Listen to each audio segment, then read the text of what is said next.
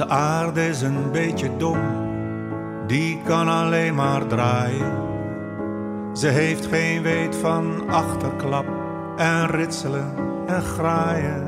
Want de aarde is vaak wat naïef, de mens is onbehouden. Maar zij blijft vol vertrouwen, de aarde is te lief. Toch als het haar te veel wordt, begint ze woest te koken. En zal ons bestoken met cholera en pest. Met noodweer en met rampen, met gif en zwaveldampen. Met bevingen en branden, zal zij de mensheid kwellen. En onze doden tellen is alles wat ons rest.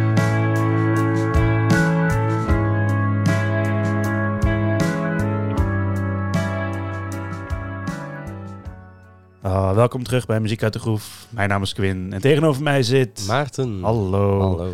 Ja, het is eh, prettig om weer naar een album te luisteren, sowieso, om te bespreken. Want dat is alweer een tijdje geleden dat we een album hebben besproken. Maar Ja. ook het feit dat het een nieuwste album is van onze grootste held, Ja, niemand minder dan Boudewijn de Boudewijn de Groot. Groot. En, Dit is de laatste keer dat je dit hoort. ja ook, en het is ook nog eens een goed album, ook nog.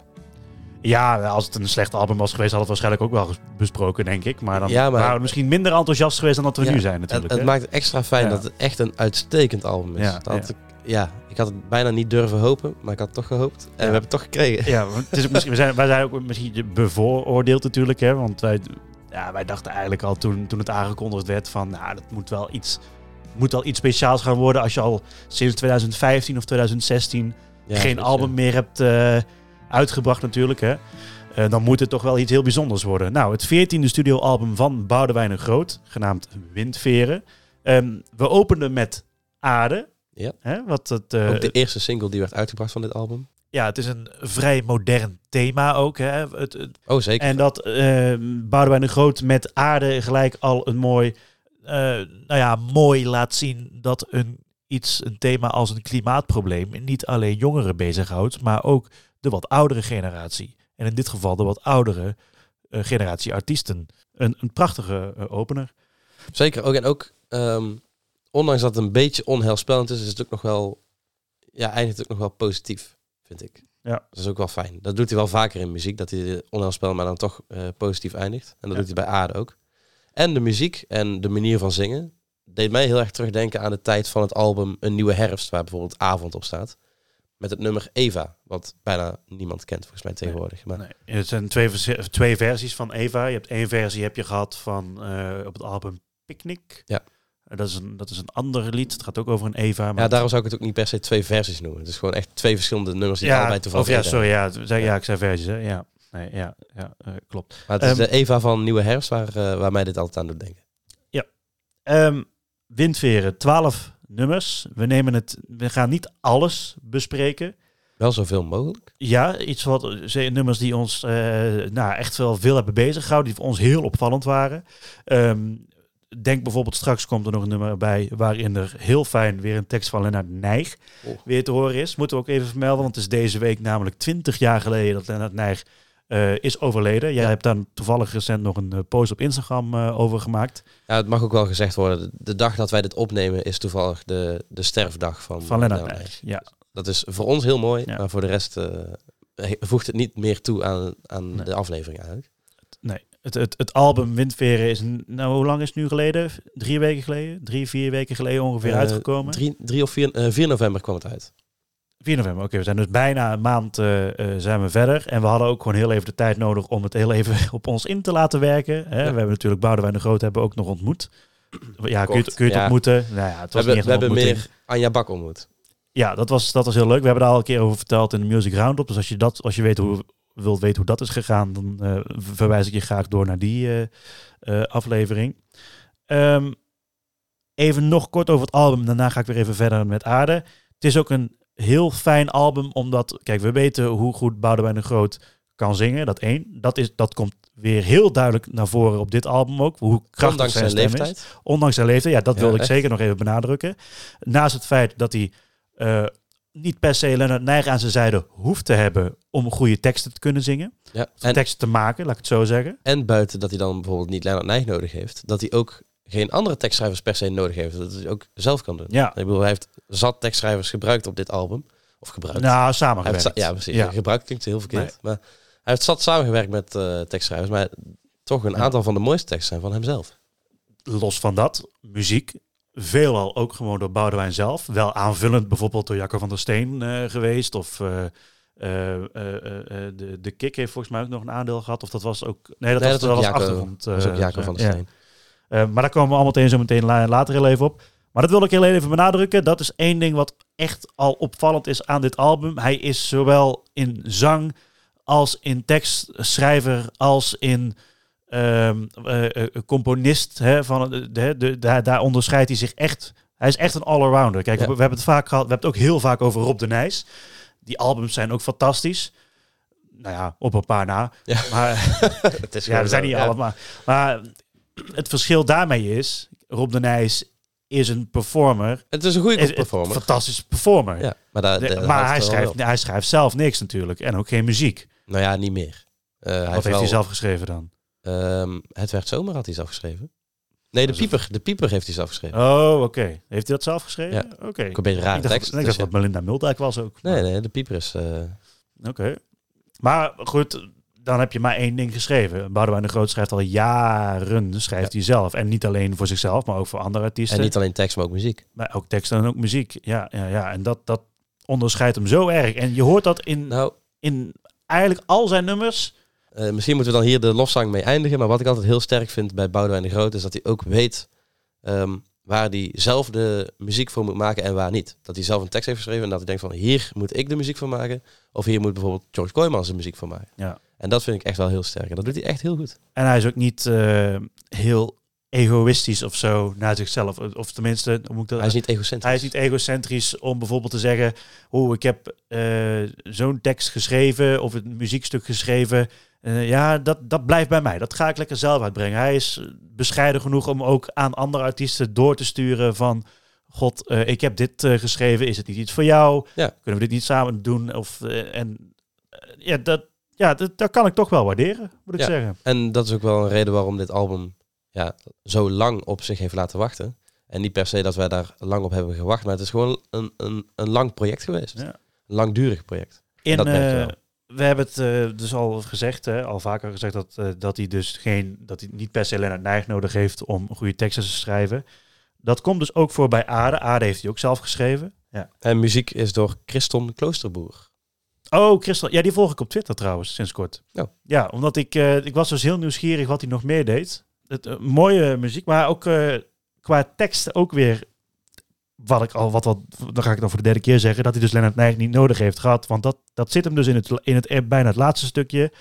Ehm, hè, Aarde is dus een beetje een protestzang tegenover, of een wake-up call naar ons toe. Wees zuinig op de aarde. Hij heeft de aarde, zoals je ook hoorde in het fragment waarmee we openden, heeft hij een beetje als persoon neergezet, als een vrouwelijk figuur. Hè, Ja. Dat het, ehm, hè, eh, als het haar te veel wordt, begint ze woest te koken en zal ze ons bestoken met cholera en pest. Ja. Is ook zo. Met noodweer en met rampen. bijvoorbeeld. En geef er zwaveldampen. Ehm, maar verder in de tekst ook, en dat vind ik persoonlijk een van de mooiste eh, stukjes. En daar heb ik zo meteen een fragment voor, maar voor, dat ga ik eerst nu even voorlezen. Maar als de eeuwen zijn vervlogen, miljarden jaren voorbij gegaan, dan zakt de laatste mens ter aarde als een eenzaam monster zonder waarde en blijft de aarde tot in de eeuwigheid bestaan. En dat vind ik zo'n ongelooflijk gave, gave tekst, dat je dat ook Ja. één al zo kan verzinnen. Ehm, je wil er iets over zeggen? of? Nee, ik wilde nog een ander stuk tekst aanhaken, maar jij hebt hier een fragment van, toch? Dan Hier daar, van dit stukje gaan we daar eerst even naar luisteren en dan vertel ik nog een ander stuk tekst, wat ik heel goed vind. Maar als de eeuwen zijn vervlogen, miljarden jaren voorbij gegaan, dan zakt de laatste mens ter aarde als eenzaam monster zonder waarde.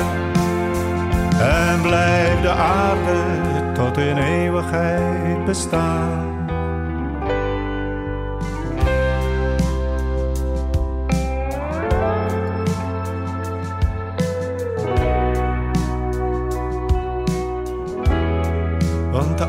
Is een beetje dom, weet niets van menselijk leven, dus laat haar met rust. Laat haar gewoon wat door de ruimte zweven. Dat ook even, ik weet waar je naartoe wil, Ja. eh, welk stukje tekst, maar ook heel even de muziek ook hier. Nou ja, dat, Wat ook zo ja. prachtig is op de muziek, hè, als hij dan zingt. ehm, dus laat haar met rust, laat haar gewoon wat door de ruimte zweven. Wat ook een, ja, dat het een beetje Ja. futuristisch ja, en, klinkt, hè? ja, heel, heel ruimteachtig. Ja, een beetje futuristisch, futuristisch is dat, hè? Maar Dus, dat, dat eh, is het, wat ik ook wilde zeggen. Ja, die laatste twee zinnen, laat haar met rust. Laat haar laat gewoon wat door de ruimte zweven. En dan in samenwerking met de muziek, dat is gewoon Terwijl eigenlijk is dat gewoon. logischerwijs zou je denken, laat haar gewoon wat verder leven of zo. Laat haar door de ruimte zweven. Want hij had daar ook iets over gezegd volgens mij, want door de ruimte zweven eh, klopt niet of zo. Nee, wetenschappelijk gezien. Wetenschappelijk klopt het niet, maar het klonk op de tekst klonk het heel erg mooi. Dus heeft hij het ook zo eh, gelaten. En Ja, en terecht. je moet ook iets aan de verbeelding overlaten natuurlijk. Hè. Dus eh, Het is poëzie. het is poëzie. Geen wetenschap. abso- absoluut. Ehm, om dan toch bij de klimaatsfeer te blijven, gaan wij door naar het tweede nummer op de plaat. En ook de tweede single die is uitgebracht. En dat is Lente. Eh, Ja, met de tekst- singles zijn nou overigens niet meer eh, te beluisteren. Ja, ze zijn, Oh, wel te ze zijn wel te beluisteren, maar ze staan... Ze waren zeg maar, ze kregen een online release. Hè, dus dat wil zeggen, ze kregen op. Spotify en dat soort dingen. Eh Aarde staat volgens mij nog wel los op single. Alleen in de, het was in de week van, van de release zeg maar, van het album. Ja. Hebben ze iedere dag voor, de, voor 4 november hebben ze een single uitgebracht van het album. Eh, maar die singles los zelf zijn nou niet meer te vinden op Oh, die zijn alweer eh, van eh, ja, Spotify. die zijn er allemaal. Behalve eh, Aarde. Behalve aarde volgens mij nog. Die staat er volgens mij nog wel op. Dus Nou. voor de rest niet heel veel niks zeggend, maar Nee, maar Lente is dan niet meer als single los te beluisteren, maar alleen op het album zelf. Dat is geen probleem. Tekst van Peter Kolpaard. Als eerdere tekstschrijver niet echt bekend bij eh Boudewijn de Groot. Maar deze tekst had hij al in 2016, of eerder eigenlijk zelfs, naar Boudewijn de Groot gestuurd. En in 2016 heeft hij het ook al live gespeeld in een tour. Heeft daar al muziek voor gemaakt. En voor de- deze plaat eigenlijk heeft hij er nieuwe muziek voor gemaakt. Dat is ook weer opvallend dat hij daar twee keer muziek voor heeft gemaakt. En Lente is ook een nummer dat eh, nu pas op een album is verschenen, maar heeft Ja. hij al, heeft hij al Veel eh, eerder. veel eerder een keer gezongen. En Maar het is nooit fysiek uitgebracht. Nee, in 2016 heeft hij het tijdens een live tour heeft hij het eh, ten gebracht met andere muziek. Dus daar had hij toen al muziek voor gemaakt. Maar in, voor dit album heeft hij weer eh, de muziek opnieuw gedaan.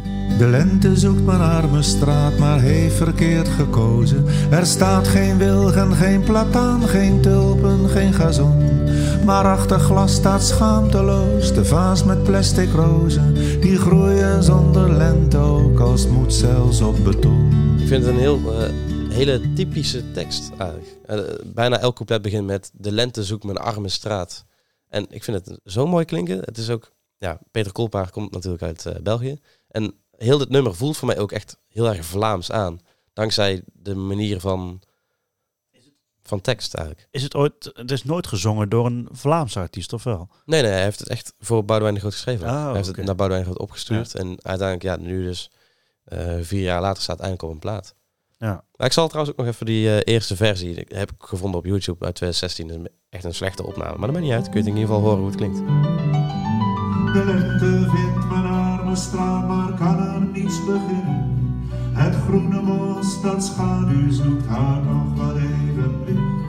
En gaat ze moe en moedeloos een bloemenwinkel binnen. Is elke roos van doorn ontdaan een klap in haar gezicht. Tevens heb ik hier ook gelijk een verschil in tekst. Want Boudewijn Groot heeft de tekst een beetje aangepast voor het album. Ehm, in deze versie, dus de, de originele tekst van Peter Kolpaard, is het... Is elke roos van doorn ontdaan een klap in het gezicht? En in de versie van Boudewijn de Groot zingt hij... Waar elke snijbloem troosteloos een klap is in het gezicht. ja. Kleine aanpassing, maar ik vind het toch wel beter. Ook muzikaal. De piano is meer aanwezig. Ja, de muziek is totaal anders. Ja. En Ja. ehm, wat, wat, wat ik ook heel goed vond, en dat is ook misschien weer die verwijzing die een Belg kan brengen in zijn muziek, is een verwijzing naar Jacques Brel. En dat heeft hij in de tekst gedaan. Niet in de muziek, maar in de tekst. De lente zoekt mijn arme straat, maar vindt er slechts de scherven van ijs dat nauwelijks ontdooid voor de zon verborgen lag. Hoe mooi klonk het in Brel zijn lied, het is zo moeilijk sterven als het lente is, maar niet voor wat nog nooit een lente zag.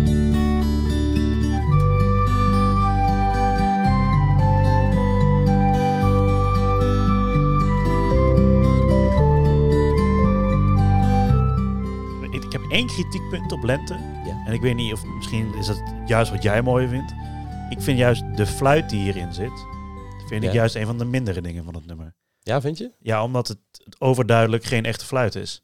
Ja, maar ja, ik heb Dus daar geen, moeite het mee. Een, het is een soort sample of een... Ja, ja, ja, ik heb er ook niet per se moeite mee. Het is een sample, ja. Alleen het is in de verhouding klopt het voor mijn gevoel niet helemaal. Omdat je wel een... Volgens mij is het gewoon... Ja, ik, ik weet wel 100% zeker dat Boudewijn een grote gitaar is. Dat kan ik echt wel vaststellen. Ja, ja.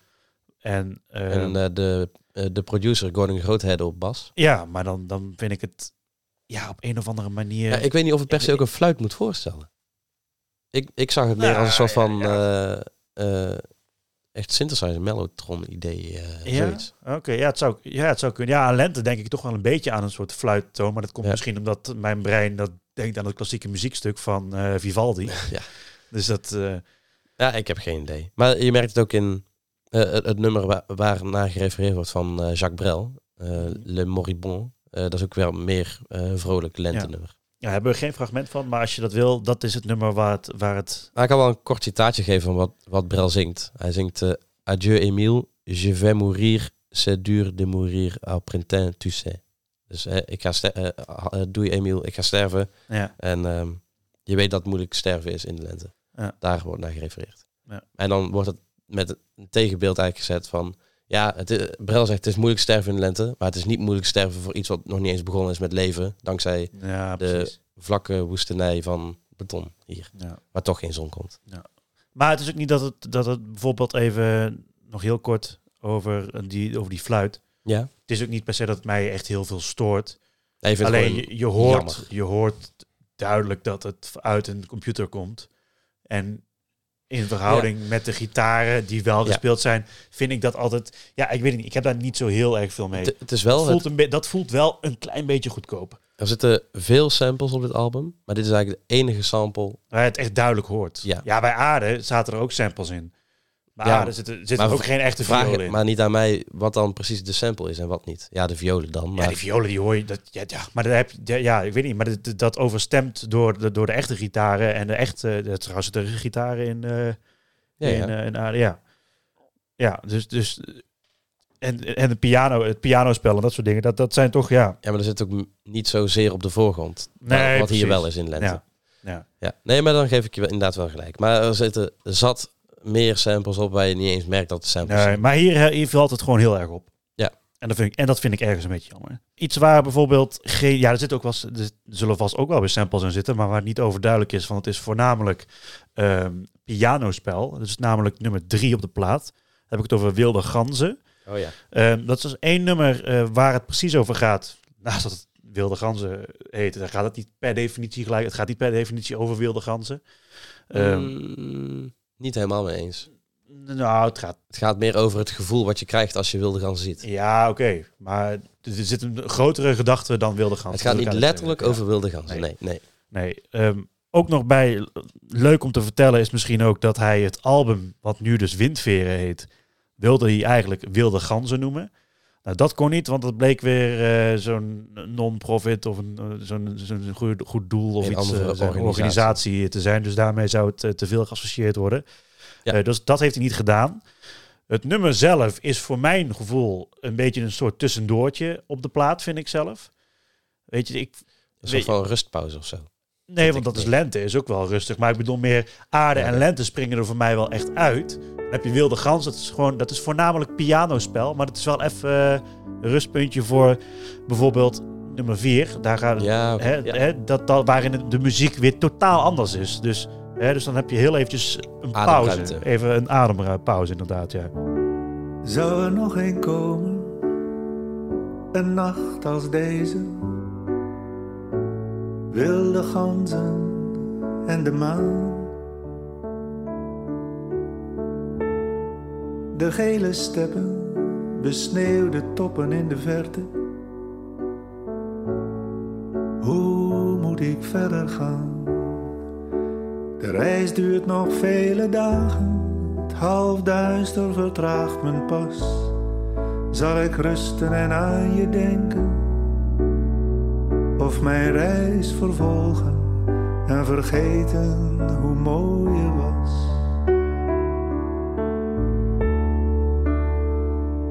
Wilde ganzen, wilde ganzen. Zo vrij wil ik zijn. Ja, ik had dus toen ik dit nummer voor het eerste keer hoorde, per definitie heel veel mee. Maar dat kwam omdat ik net ook al zei, het is echt een beetje een soort rustpunt misschien wel. Ondanks dat dat Ja. Lente ook een vrij rustig nummer is. Maar dat, ja, ik weet het niet, dat komt net na aarde, dus dat klinkt wel even lekker. Ja, maar het is ook wat vlotter gezongen. Ja, Het is heel rustig. Hier wordt is- tijd genomen voor de tekst. En ik vind dat wel en, heel en fijn. daar moet je dus ook, daar wil ik ook vooral naartoe. Want als je dus gaat verdiepen in de tekst, hè, Oh, krijg je dus bijna een, een Nederlandse chanson. Dat is het, dat is het eigenlijk. Hè. ja, zonder schaamte is het gewoon een Nederlands chanson. Ja, Ja, 100%. eh, ja, absoluut. Maar Ja. als je het gaat, dus gaat, het, eh, echt goed gaat luisteren en, en het in gaat nemen op de tekst, wat hij dan bijvoorbeeld ook eh, zingt. Hè? Zou er nog één komen, een nacht als deze, wilde gans en de maan, nou ja, bla bla bla bla. En dan wilde ganzen, zo vrij wil ik zijn. En wat hij eigenlijk, eigenlijk zegt, hè, hoe ver, hoe, hoe- je kunt een, ik, jij bent heel gelukkig in de liefde, ik ben heel gelukkig in de liefde. Ik ben super blij met mijn vriendin en met mijn kindjes, daar niet van. Ja. Maar toch op een of andere manier moet je wel je eigen rust ergens zien te vinden en een moment voor jezelf hebben. En dan denk je af en toe van, hè, was toch wel even lekker. Af Ja. en toe dat vrijgezellenleven tussen haakjes, weet je. Maar dan Gewoon de vrijheid voor jezelf. de vrijheid. En dat is vooral waar dit nummer eigenlijk ook over gaat. Wat hij ook heel mooi in het boekje ook eh, nog citeert, is een tekst van Lennart Nijg. Ja. Gaat over Leonardo. Eh, waarin hij Gezongen door als eerste op de Nijs. gezongen eerst door op de Nijs, later ook nog in eh, een eh, theatertour is ook nog gezongen door Boudewijn de Groot zelf. Meerdere ook een keren oh, meerdere keren aanraden trouwens om die versie ook een keer te horen. Staat volgens mij niet op Spotify, hè, die versie of wel? Jawel. ehm, de versie van, moet ik het goed zeggen, niet Lage Landen Tour, dat is een andere. Avond in Brussel. Nee, Dan. die staat niet op Spotify. Maar daar staat hij ook op. Op de plaat en cd Avond in Brussel staat hij op. Er is nog een andere tour waar ook Als je niet meer verder kunt op staat. Maakt op zich niet zo heel veel uit. Het gaat meer om het feit eh, eh, dat Lennart Nijg toen destijds schreef in het nummer Leonardo dat de mensen willen vliegen, de mensen willen vrij zijn, los van alles. Hè? Dus even weg uit, eh, uit de dagelijkse sleur. En dat is een stukje vrijheid waar hij ook hier in Wilde Ganzen ook echt heel ja, goed over zingt. En wat hij ook mooi heeft verwoord. En dat gevoel, dat begrijp ik ook wel. Ja. En dat is, denk, ik denk dat het voor jou ook... Je, je vertelt mij wel vaker ook dat je eh, uit- uiteraard heel trots en gelukkig bent eh, Ah, ja, met, met, eh, met jouw vriendin. Maar dat je het, als, als je vrijgezel, toen je vrijgezel was, dat je het ook wel prima vond. Soms wel, met sommige dingen is het gewoon makkelijker om niet rekening te hoeven houden met andere Dat je mensen. kan, ze gaan en staan waar je wil. Ja. Ja. En het is hartstikke leuk om niet meer single te zijn. Maar soms is het gewoon, Tuurlijk. soms is het gewoon prettig. Ja, maar ik merk dat ook hoor. zelf ook hoor. Ja. Ik heb het trouwens gevonden. Het is ehm, eh, als eerste op het album Andere Tour. ja. Staat ook op Spotify. Eh, inderdaad, nogmaals, als je niet meer verder kunt, staat erop. En ehm, Leonardo. En Kater staat erop trouwens. Dat is een van de eerste nummers die hij schreef. En dit is eigenlijk de enige versie die op Spotify staat van. Kater. Heel mooi nummer. Ja. Ja, ik vind het echt wel een hele mooie tekst. Het is een zeer, mooi, een zeer mooie tekst. Alleen het is qua muziek niet heel denderend. Maar dat hoeft ook niet. Omdat het ook, wat ik, wat ik net ook al zei, meer een chanson, Nederlandse chansonachtig iets is. Ik denk dat als dit... En het blijft toch vrij intiem dan. Ja, ik denk dat als ze hier is- meer hadden uitgepakt in de muziek, dat het er niet zou doen aan de tekst. Ik denk dat dan de tekst Ja. te veel weg zou vallen. Ja. En dat zou ik zonde vinden. Ja. Ja. Dus ik vind dit Maar het- perfect in balans. Laat ik het zo zeggen, het is een minder toegankelijk nummer om er als eerste even in te komen. Dat, 100%. Dat, dat, dat, Ja. dat is het hem, zeg maar. Als je, als je het album zeg maar nog een keer drie keer luistert of zo, twee, drie keer luistert, dan ga je het ook steeds meer Ja. waarderen. Hè? Want je begint natuurlijk bij aarde, nou misschien lente dan nog. En eh, wat- voor mij komt straks nog enge mannen en dat soort dingen. Dat, dat sprong er voor mij echt meteen uit. En wilde gans heb ik nog heel even wat moeite over gedaan om dat Ja. echt tot me in te laten komen. Nou, er is nog zo'n nummer wat een beetje in dezelfde trant zit als eh, eh, Wilde Ganzen. En dat is voor mij Raven boven Wales. Maar daar kom ik later op terug. Maar ehm, eerst gaan we nog heel even terug naar ehm, het nummer wat hierna komt. Na, ehm, De dame met het hondje. Ja, dame met een hondje inderdaad. Dat is dan wel weer zo'n zo'n poppy, Ja, vrolijk, toegankelijk nummer, nummer. ja. En Ja. Ik, ja, veel informatie heb ik er niet over voor je. Maar het, het, het grappige daarvan dan weer is, is dat het qua tekst ehm, inderdaad ook wel vrij toegankelijk is. Ja. Behalve bij het eerste stukje, eerste stukje tank, tekst. ja, Als je niet weet wat dat, waar hij nou precies op bedoelt, dan denk Ja. je, Het is een rare opener. Ik zal het even laten horen. Ja, ik weet het, Tsjechov is me voor geweest. Maar gistermiddag in de zon op de boulevard zag ik haar met parasol en hondje.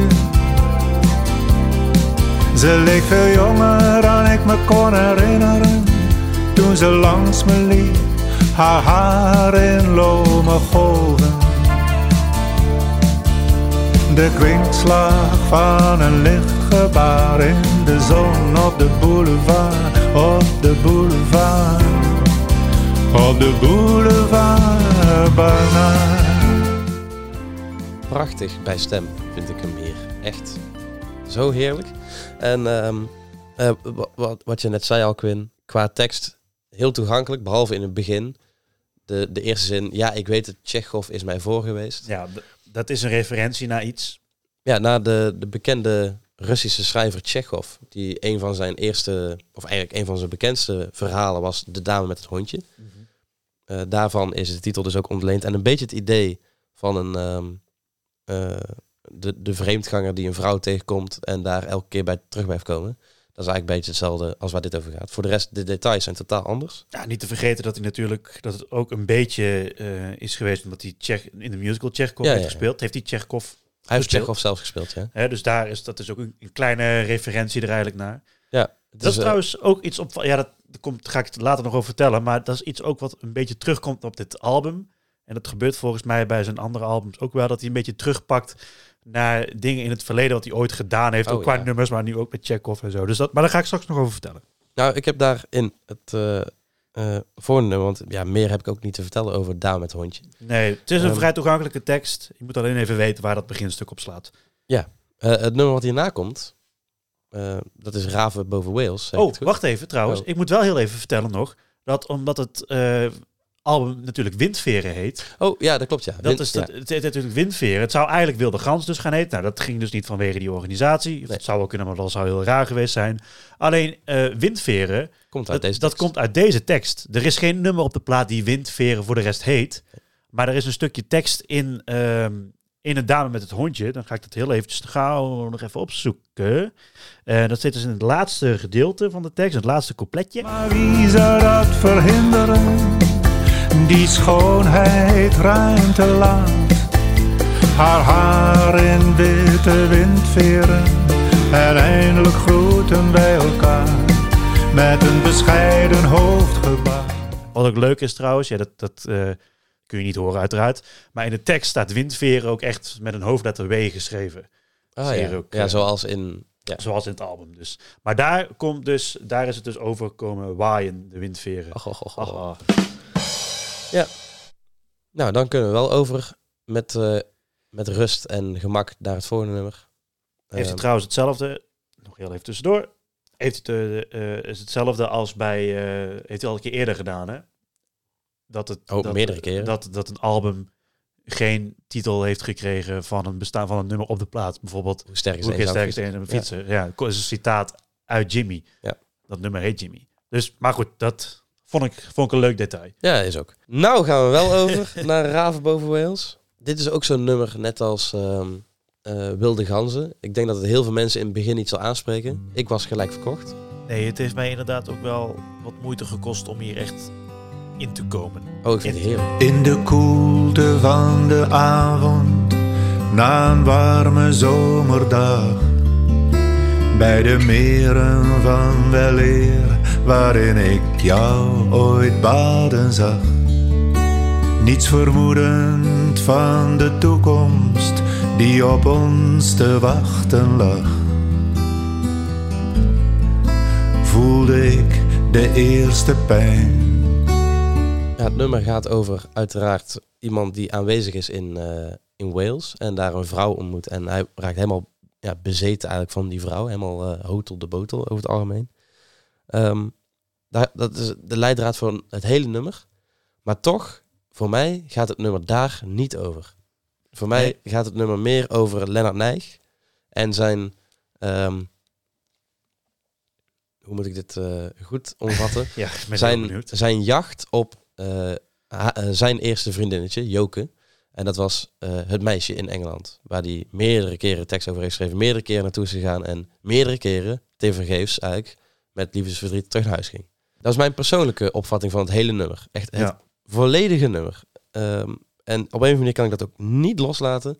En elke keer als ik het nummer luister, dan denk ik alleen maar aan Lennart Nijg. Oké. En de reizen die hij heeft gemaakt richting Engeland.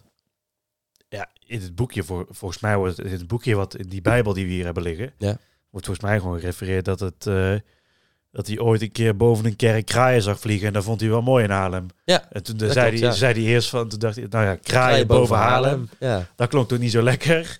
En dan was het raven boven Haarlem, maar dat vond hij ook nog steeds niet zo. En toen heeft hij uiteindelijk maar raven boven Wales Ja. heeft hij, eh, gedaan. Dus ik weet niet of het echt ja, daadwerkelijk echt iets te maken heeft Ik- gehad met Lennart Nijg. Maar voor weet jouw ja. opvatting is het... eh, Ik, ik, ik weet ook totaal niet in hoeverre het doelbewust is gedaan dat het eh, voor mij nu over Lennart Nijg gaat. Maar ik denk toch wel deels. Ehm,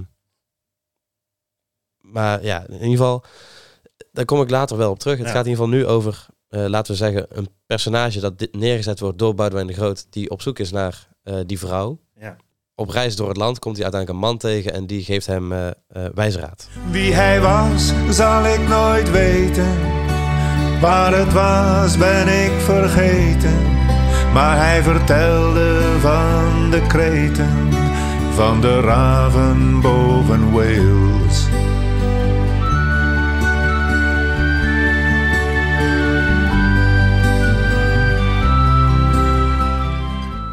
Nou, dat was dus eh, de man en zijn wijze raad, hè, de, de raven boven Wales. En volg een bepaald eh, pad. Nou, dan weet hij eigenlijk waar hij naartoe moet gaan op het eiland. En dan eh, komt dit. Als u de weg zoekt, zei hij plotseling, vergeet dan nooit wat ik nu zeg. Houd het midden van de wegen, zet uw pas met overleg. Wie u zoekt, zult u weer vinden aan het einde van de weg. Volg de raven in hun vlucht. Ik trok verder over heuvels naar het einde van het land, waar de zee haar golven aanbiedt en weer opijst van het strand. In de verte mijn bestemming, het eiland aan de overkant. Onder een koperrode lucht.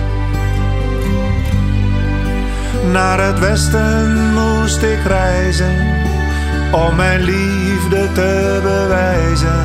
Oh, ik hoorde al het krijzen van de raven boven Wales.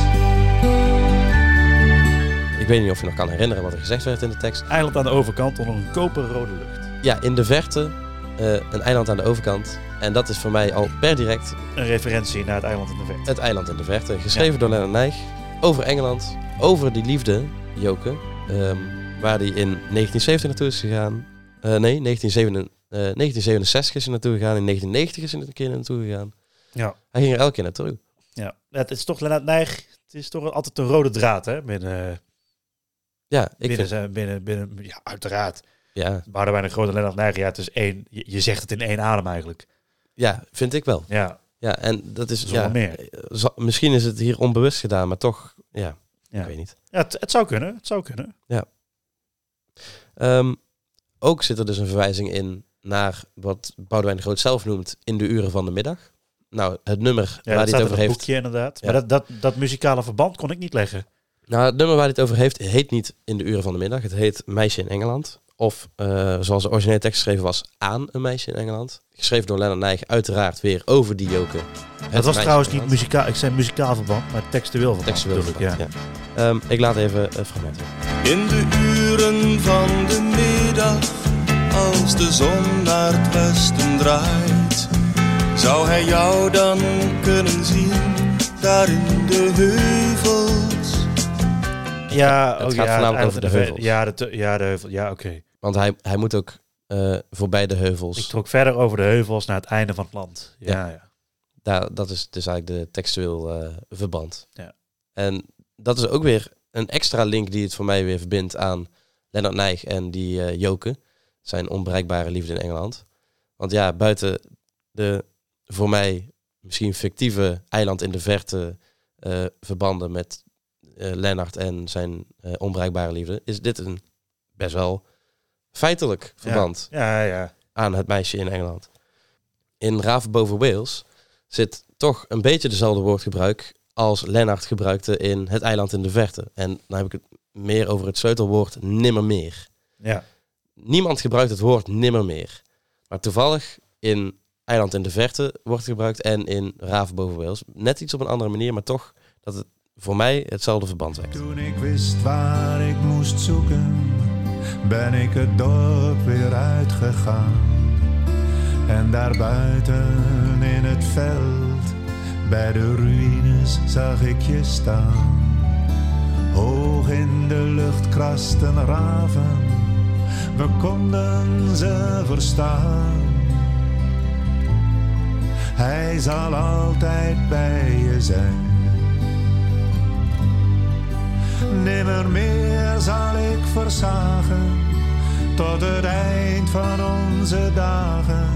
Blijven we in de veilige haven van de raven boven Wales. Ja, dus nimmermeer zal ik versagen tot het einde van de dagen. Hele oude woordspeling. Ja, eh, versagen is, eh, als ik het goed zeg, is het bang zijn of angstig zijn. Dus nooit zal Ja. hij meer angstig zijn tot het einde van de dagen. En ze blijven samen in de veilige haven. Nou, dat is ook alweer een schipsvaartterm dat Lennart ook Dat- duizend ja. keer gebruikt. En En ook Lennart Nijg, een klein beetje dus. Voor mij wel. Ja, voor jou wel. Ja. En ik Ja, zal daar nog even... wel doelbewust zijn geweest. Ik hè? zal daar nog even het fragment van het eiland in de verte laten horen. Dat je een beetje dezelfde soort van zinsopbouw hebt. Ehm, maar ik vind hier ook... ehm, hij komt die persoon tegen bij een ruïne met, waar die raven dan boven Ja. cirkelen. En ze kunnen allebei de meeuwen, of de raven verstaan. Niet meeuwen, raven. Mine, mine. En die raven zeggen... ehm, je, hij zal altijd bij je blijven. En nou, dat zal waarschijnlijk geschreven zijn door Boudewijn al zijnde... dat die vrouwpersoon die eh eh Boudewijn de Groot naar op zoek was... ja. dat hoort van hey, hij zal altijd bij je zijn.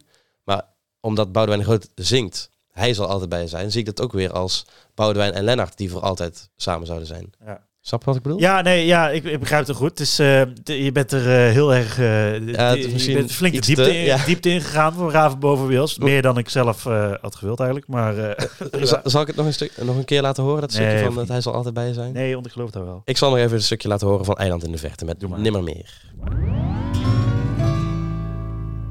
Het eiland in de verte, waar ik zo keer ten anker ben gekomen.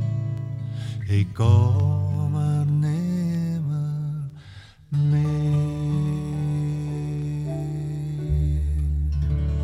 Dus waar het in Eiland in de Verte was dat Lennart er nooit meer kwam, omdat hij al zo vaak zijn hart heeft gebroken en eh, het is klaar.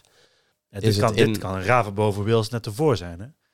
Dat een prequel is Ja, voor het ja, eiland in de verte. In, in Raven boven Wales is het juist een happy end. En oh ja, Eh, oh, ja. nimmer meer zal ik versagen. Dus nooit meer hoeft hij die angst te voelen. Ja. Want ze zijn toch samen. Ja. Tot zover in ieder geval Raven boven Wales. Ja, ehm, ik heb mijn bijbel over Raven boven Wales heb ik weer dichtgeslagen. Eh, Goed zo. Ik eh, sla een andere bijbel. eh, nou ja, het is niet echt een bijbel. Het is, Het is meer een geschiedenisboek. ja, het is een geschiedenisboek. Ja, ja. Ik, dit is wel, voor mij was dit het nummer die ik echt gelijk op repeat zette nadat ik hem één keer had gehoord. Dat sprong er voor mij echt meteen uit. Maar dat is al omdat ik zei, ik ben wat, wat meer van de... Ik vind het juist leuk, omdat ik weet wat voor intieme nummers Boudewijn de Groot heeft gemaakt, om hem juist op een andere manier te horen. Bijvoorbeeld dus bij... Een eh, luchtiger. eh, nou ja, ik weet niet of Nou, niet per luchtig se wil noemen. luchtig, Het is nee. niet per se luchtig, maar bijvoorbeeld bij... Ik, ik heb het over het nummer Enge Mannen, dus het nummer na Raven boven Wales. Ehm, ik vind het juist heel leuk, omdat het hier qua muziek een totaal andere kant op gaat dan de nummers die we dus eerder hebben gehoord. En ook qua tekst, ook qua zang, er wordt, het is een, iets totaal anders. En dat is iets wat er voor mij echt gelijk uitsprong. En ik vind het, ja, ik vind het een heerlijk nummer, Enge Mannen. En waar het precies over gaat, ga ik je zo meteen vertellen. Ehm, maar ik denk dat je het in de tekst die je zo meteen gaat horen al een beetje kan uitgaan halen waar het nou precies over gaat. Want het is net als Aarde vrij actueel. Als kind werd er wel eens tegen me gezegd: Er is een enge man in de buurt. Die vraagt of je een snoepje hebben wil, of thuis weer naar binnen gluurt. In die tijd heb ik nooit een enge man gezien, maar soms dacht ik opeens zou dat hem zijn. Altijd weer bleek het dan loze alarm. Een enge man bleef alleen maar boze schijn. Enge mannen zijn er door de eeuwen heen geweest. Van mannen weet je nu eenmaal dat ze eng kunnen zijn. Een wereld zonder mannen lijkt me niet het medicijn. Dan zouden er waarschijnlijk wel weer enge vrouwen Ik eh, kan het ook wel verklaren waarom het er voor mij gelijk echt uitsprong. Eh, bij dit nummer kom je voor de eerste keer muziek tegen die door een andere artiest is gemaakt. Ja, als je Christon Kloosterboer even niet meerekent, die de muziek voor Aarde verzorgde. Mhm. Hier is muziek gedaan door Jacob van der Steen. En eh, die je tevens ook hoort in de achtergrond eh, als zang. En wat hier dan toch wel weer opvalt, hier zijn, zover, zover ik het heb kunnen horen, geen samples in verwerkt. Dus geen extra samples van een strijker Nee, of nee, geen enkel fluit. Geen fluit. Dat het is 100% live. Tenminste, zoals ik het nu heb gehoord, hè. Het zal misschien uiteraard, hè, omdat het vanuit veel... Ja, het zal wel los opgespeeld zijn en dan samengevoegd. Ja, Ja, afgemixt, dat zou kunnen, dat weet ik niet. waarschijnlijk wel. Maar dan hebben ze het super goed gedaan. En dit, ja, het klinkt gewoon voor mij... Muzikaal klinkt het al geweldig. Ja, ik heb wel één eh, opmerking. Wat, Over, muziek, over de muziek? eh, meer over het geluid. Ik denk dat het een mixding is. Ehm, wat, wat jij hebt dan bijvoorbeeld met die, die samples in Raaf boven Wales en Lente, dat het Ja. een beetje apart klinkt. Ja. Heb ik dat hier met eh, de volledige zang van Boudewijn de Groot. Klinkt voor mij heel apart. Ehm, ja, het is volgens mij op gewoon zo'n dubbele, ja, er zit een, beetje een echootje dubbele onder. lading, zeg maar. Of ja, nee, dubbele lading. Ja, er zit gewoon een beetje een echo onder. ja, En Ja. dat klinkt voor mij heel apart. Eh, het is een beetje alsof die net niet door een vocoder aan het zingen is. Ja, daar heb ik dus, daar heb ik hier dus weer niet zo heel veel last van of zo. Of het stoort mij dan weer minder, eh, moet ik zeggen. Ik zeg al, ik vind het juist leuk om zijn stem op een andere manier eh, te horen. En in plaats van op de zwoele, warme, rustige manier. nou, dat vind ik ook heel prettig. Want dat is ja, ja, natuurlijk maar waar- waar- een keer iets anders. Ja, een keer iets anders vind ik wel heel fijn, ja. Ja, Ja. Dat, dat even, dat vind ik bijvoorbeeld bij eh, Rob de Nijs, bij dat laatste album. Kijk even naar het laatste, naar het laatste album. Daar is bijvoorbeeld, eh, daar had je heel veel van dat chansonsnummers. En dan kwam je bijvoorbeeld bij het einde van Misschien, waar de muziek Ja. geschreven is door Boudewijn de Groot. Fantastische muziek ook. Met tekst van Bies van de Ede, die Ja. ook een tekst op dit album heeft gedaan. Ja, daar komen we later nog heel eventjes op terug. Heel kort. Ehm, ja, maar daar, eh, daarin ging Rob de Nijs wel... Ja, ik weet niet, dat vond ik ook heel lekker. ja, dat was echt heel dat was, dat, Ja, was echt, dat was echt maar dat had fantastisch. het album ook wel nodig. Ja, absoluut. Maar dat Net heeft dit album, net als bij Windveren, ook wel nodig. Zo'n zo'n nummer. Weet Ja. je, anders zou het anders... Ja, ik weet, ja, ik weet het niet. Ik, zulke toegankelijke nummers heb je ook ja, wel nodig. dit want- nummer en Als je huilen wilt, dat is... Oh ja, daar, ja, maar daar heb ik fragmenten ook... Daar, heb ik, daar kom ik zo meteen nog op. Want dat vind Oh, ik... dan, dan laat ik ja, dat vind ik geweldig, dat nummer ook. Dat, dat, zijn, ja, dat zijn voor mij echte uitblinkers. Dat zijn voor jou de, Ja, de, de top 1. Ja, ja, misschien omdat het heel toegankelijk is. Ik weet het niet, omdat het misschien wat commerciëler is dan de rest. Hè, eh, het spreekt wat meer mensen aan. Klaarblijkelijk, bij mij spreekt het dus enorm aan. Eh, ook qua tekst, enge mannen. Het is niet zozeer een, een protestsong naar het geslacht mannen of zo. Het gaat gewoon over dictators en dat soort dingen. ik vond het ook wel fijn dat het niet per se een protestsong is gericht aan één persoon. Bijvoorbeeld in Meneer de Nee. President was het duidelijk dat het ging... ehm, president Johnson was dat volgens mij. Dat weet ik niet meer, maar het ging wel ten, ten tijde van de Vietnamoorlog. Ja. Maar ik weet niet meer welke maar dat was echt duidelijk gericht naar één persoon. Ja. En dit is meer gewoon dictators in het, al- algemeen. In het algemeen, ja. Toch Dus- weer een, toch eigenlijk ook, ja, als toch een protestsong. Wel een protestsong die, die, het is niet zomaar uit de lucht komen vallen, zeg maar. Dit, hij schreef dit al enkele jaren geleden, nog voor de oorlog in eh, Oekraïne. Oekraïne. De, maar ja, nu blijkt het dus toch helaas wel heel erg eh, eh, actueel te zijn. En Ja. Waardoor het dus toch een extra lading eh, krijgt eh, wat dat betreft. Ehm, je had het net over eh, meneer de president. Ja.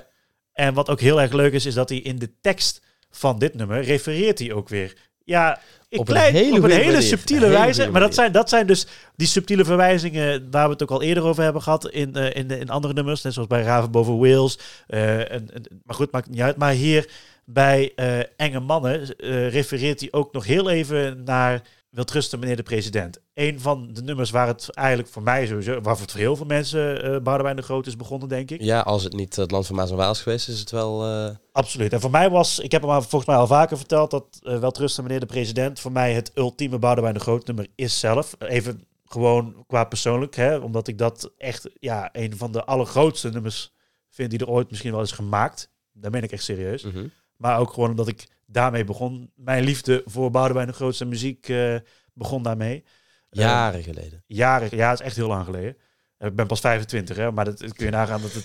ja, maar ik denk dat het al meer dan tien jaar geleden is dat ik dat nummer voor het allereerste keer hoorde nou, bij mijn vader. Ja. In, de, in, de, in de auto op een cd'tje met gewoon een verzamelalbum met het beste van Boudewijn de Groot. En daar stond dat nummer uh, Wel Trusten meneer de president op. En sindsdien ben ik echt hoekt van ja. uh, Boudewijn de Groot. Het is echt niet, geloof, niet te geloven. Dus dat, misschien vind ik daarom Enge Mannen ook zo leuk. Maar er is een hele subtiele verwijzing in naar Wel Trusten meneer de president. Dat wilde ik je nog eventjes laten horen. Ook nu in de wereld van vandaag zijn er enge mannen aan de macht. Met maskers voor en suiker in de mond. Ze niets op eigen kracht. Een muur van gorilla's om hen heen en een legertje geld te lusten. Leeg en eenzaam zijn hun nachten. De radio wenst hun zingend wel te rusten. Ja, ik vind dat echt briljant. Ik kan er niks anders van zeggen. Ja, dat is ook heel Ik vind- slim. En dan, ik, ik heb het natuurlijk over dat laatste stukje, de radio wenst hun zingend wel te rusten. Waarin hij dus ja, refereert naar zijn eigen nummer, Wel te rusten meneer de president. Ja. Ik vind het hilarisch. Ja, ik vind ik het, vind het zo mooi erin verwerkt. Ik vind het, ik vind het gewoon zo'n lekker nummer. Het is, ik vind het muzikaal vind ik het gewoon briljant. Ik vind het qua tekst vind ik het ook gewoon geniaal. Ik weet, het is inderdaad actueel. Dat maakt het misschien nog. Het is op een manier echt een gezellig nummer. Ja. Terwijl Ja. het helemaal geen gezellige boodschap is. Nee, want en als je het ook gaat. Als je, als, je, als je- het nummer ook zo ziet, enge mannen, dan denk je, oh, het zal, het zal weer, eh, het zal, het zal iets zijn eh, tegenover het mannelijk geslacht. Dat het zou heel raar zijn als dat gezongen zou worden door een man natuurlijk.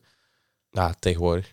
Ja, oké. Maar het, ja, ik vind de hele boodschap erachter vind ik al vind ik, vind ik top. Maar ik vind ook gewoon qua muzikaal. Ik vind het gewoon Het is heel leuk fijn nummer om naar Heel leuk luisteren. Ja, ja. absoluut. Ja. Dat had ik niet met het volgende nummer. Dat was voor mij ook weer het nummer waarbij ik echt weer even in moest komen. Eh, in het begin. Ik, ik weet dat jij het een van de hoogtepunten vindt van het album. Eh, ik heb het Ja, nog nummer steeds wel 7. eigenlijk. Ja. Uh, Sherazade, als ik het goed uitspreek. Sherazade. Uiteraard eh, vernoemd naar het personage uit 1001 Nacht. Ik had verwacht namelijk, want dat is iets wat ik al wel kan vertellen, dat het wat meer, eh, wat, wat, wat meer exotischere instrumenten zouden zijn. Je had verwacht dat ze echt de cliché manier op gingen van oh Scheherazade. Dat had 1001 ik wel Nacht. Wij verwacht. gaan naar de Oosterse sfeer. Ik had iets van een sitar, had ik toch verwacht ergens. Nou, dat had ik wel gehoopt, een sitar. ja, ja, Ja. ik weet het niet. Ik had het verwacht. Terugblik naar Picnic had ik gehoopt. Maar dat was het niet. Nee, nee, Ehm, nee, nee, absoluut, nee, absoluut niet. Het is wel heel mysterieus. De muziek is heel mysterieus. Ja, en heel modern. Ja, en, maar dat is waarschijnlijk de bijdrage geweest van zijn kleindochter. Want dit is het nummer Ja. waarin, eh, dat is trouwens ook mooi, hè, er zijn een aantal samenwerkingen geweest. Onder andere met Jacob van der Steen. Straks komt nog George Kooijmans en ehm eh, Bies van Eden bijvoorbeeld. Maar ook opvallend en mooi aan het, dit nummer is ook dat het nummer samen is gemaakt met zijn kleindochter, Aisha de Groot. Ja, Beter wel bekend als- als ja, precies, Oh, ja, sorry. Meis. Jij, Ja. Wilde jij het vertellen? Mag Nee, nee, eh, ik, ik- Ja. Eh, inderdaad, meis. Ehm, en qua Doet- tekst, eh, de tekst is volledig door Boudewijn de Groot geschreven. Eh, qua tekst is hevig geïnspireerd door, op een aantal dingen. Onder andere bijvoorbeeld de Rolling Stones met het nummer Sympathy for the Devil. En in dat nummer beschrijft de duivel eigenlijk alles wat, waar hij voor verantwoordelijk is. Ehm, daar draait heel dat nummer op. En dit is eigenlijk een beetje niet per se het tegenovergestelde daarvan. Maar wel vergelijkbaar, maar dan in een ander jasje gegooid. Dus die Scheherazade vertelt eigenlijk alles waar zij aanwezig is geweest en wat zij heeft meegekregen of wat zij een beetje heeft gestuurd. En, eh, Ja, dat zijn en op die manier de vertelster, de verstelster of zo van die duizend en één nacht verhaal of zo. Ja, je hebt de, eh, het verhaal van Duizend Nacht. Ik ga het even parafraseren, niet exact geciteerd, maar ehm, het gaat over een man en die neemt eh, eens in de zoveel tijd een vrouw mee naar bed en dan eh, nou, hebben ze seks samen en dan vermoordt hij die vrouw. Ja, Daar gaat het eigenlijk om. heel gezellig. Heel gezellig. Ehm, Maar die ene vrouw, Scheherazade, die denkt, dit gaat mij niet overkomen. Ik ga die man gewoon zo lang aan de praat houden, met een heel interessant verhaal vertellen, dat hij altijd Ja. wil weten hoe het eindigt. Maar dan Ja. elke avond, dan kapt zij het net af, zodat dan op een cliffhanger is, zeg maar. Ja. Dus dan de volgende nacht moet hij dus weer verder opnieuw gaan vertellen. En zo duizend één nacht verder. En uiteindelijk wil die man haar helemaal niet meer vermoorden. Want ze is zo goed in verhalen vertellen, dat wil ze eeuwig door blijven doen. Ja. Dus daar gaat het eigenlijk een beetje neer. Ehm, Maar het is een eh, niet. Als je, gaat, als je op de tekst kijkt, ja, we gaan er zo naar luisteren. Maar als je de tekst zo kijkt, het is ook niet per se gelijk een heel toegankelijk nummer. nee, en het heeft voor de rest ook niks meer met duizend en één nacht te maken. Nee. Behalve, kijk, de personage Scheherazade vertelt in dit geval... ehm, ja, heeft ze wel duizend en één verhalen meegemaakt en duizend en één dingen. Ehm, maar totaal niks in de trant van die Arabische eh, sferen. Nee. Het zijn meer gewoon andere lokale gebeurtenissen, hedendaagse dingen, eh, dingen in het verleden, alles eigenlijk. Maar eh, daar gaan we nog meer over vertellen. Maar dan eh, doe eerst even luisteren en dan eh, vertellen we er zo meteen wat meer over. Jazeker. Wie wandelt langs wegen op klaarlichte dag, verdiept zich in dingen die niemand ooit zag. Wie zoekt naar het licht in het diepst van de nacht? Wie heeft de waarheid, niet de wijsheid in pacht? Wie vindt haar weg zonder gids, zonder kaart? Omdat haar schip op de noorderzon vaart. Wie spreekt met de schepper in engelentaal? Schept orde in de chaos van het Bijbelverhaal. Wie zorgt voor een wonder in tijden van nood? Brengt regenboogkleuren in het zwart en het rood. Wie vertelt haar verhaal zonder vragen tot het einde der dagen? Het is de vrouw in het huis aan de gracht, de vrouw van duizend en één nacht.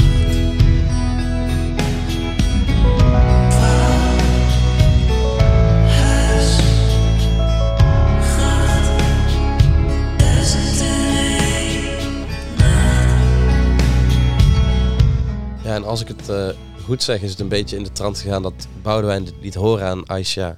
En dat zij zei van ja, eh, hartstikke leuk, maar Het is te Eh, langzaam. het is te langzaam, er moet een beat onder. Ja, ja volgens het, is mij- steeds, het tempo is volgens mij nog steeds hetzelfde, denk ik. Maar Ja, er is wel een beat onder gezet. En het was volgens, volgens haar iets te saai of zo. ja, ja, een beetje te eentonig waarschijnlijk. Ja, Ehm, dus ja, die beat is eronder gezet en dat doet wel echt heel veel. Ik zou dit nummer niet willen luisteren zonder die beat eronder. nee, dat snap ik.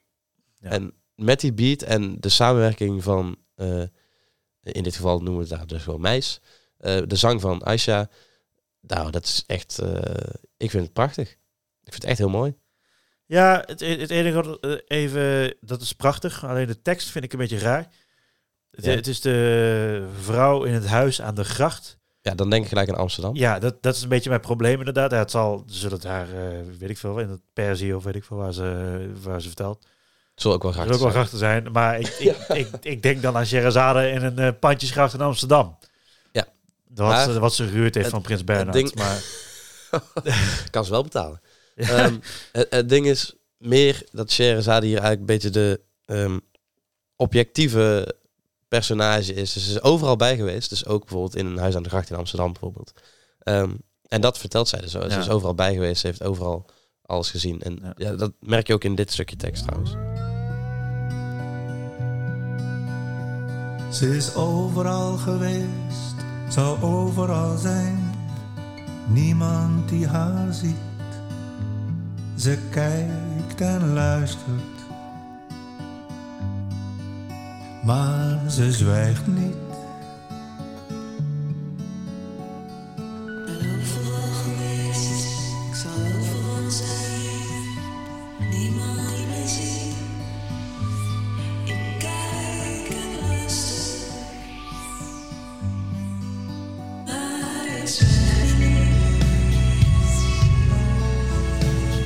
En dat vind ik ook wel heel mooi eigenlijk. Ze, ze zeggen dus, hè, ze is overal geweest, Ja. maar niemand die haar ziet. Dus ze is niet letterlijk zoals ik nu in deze kamer fysiek aanwezig. Ze is ergens zwevende. de, zweeft Ja. de ruimte. En dat, dat hoor je in de muziek ook als Aisha begint te zingen. Ja. Dat echt zo'n, dat, net als een aarde op het eind. Zo'n, eh, hoe noem je dat? Zo'n, zo'n, zo'n fader, of hoe noem je dat?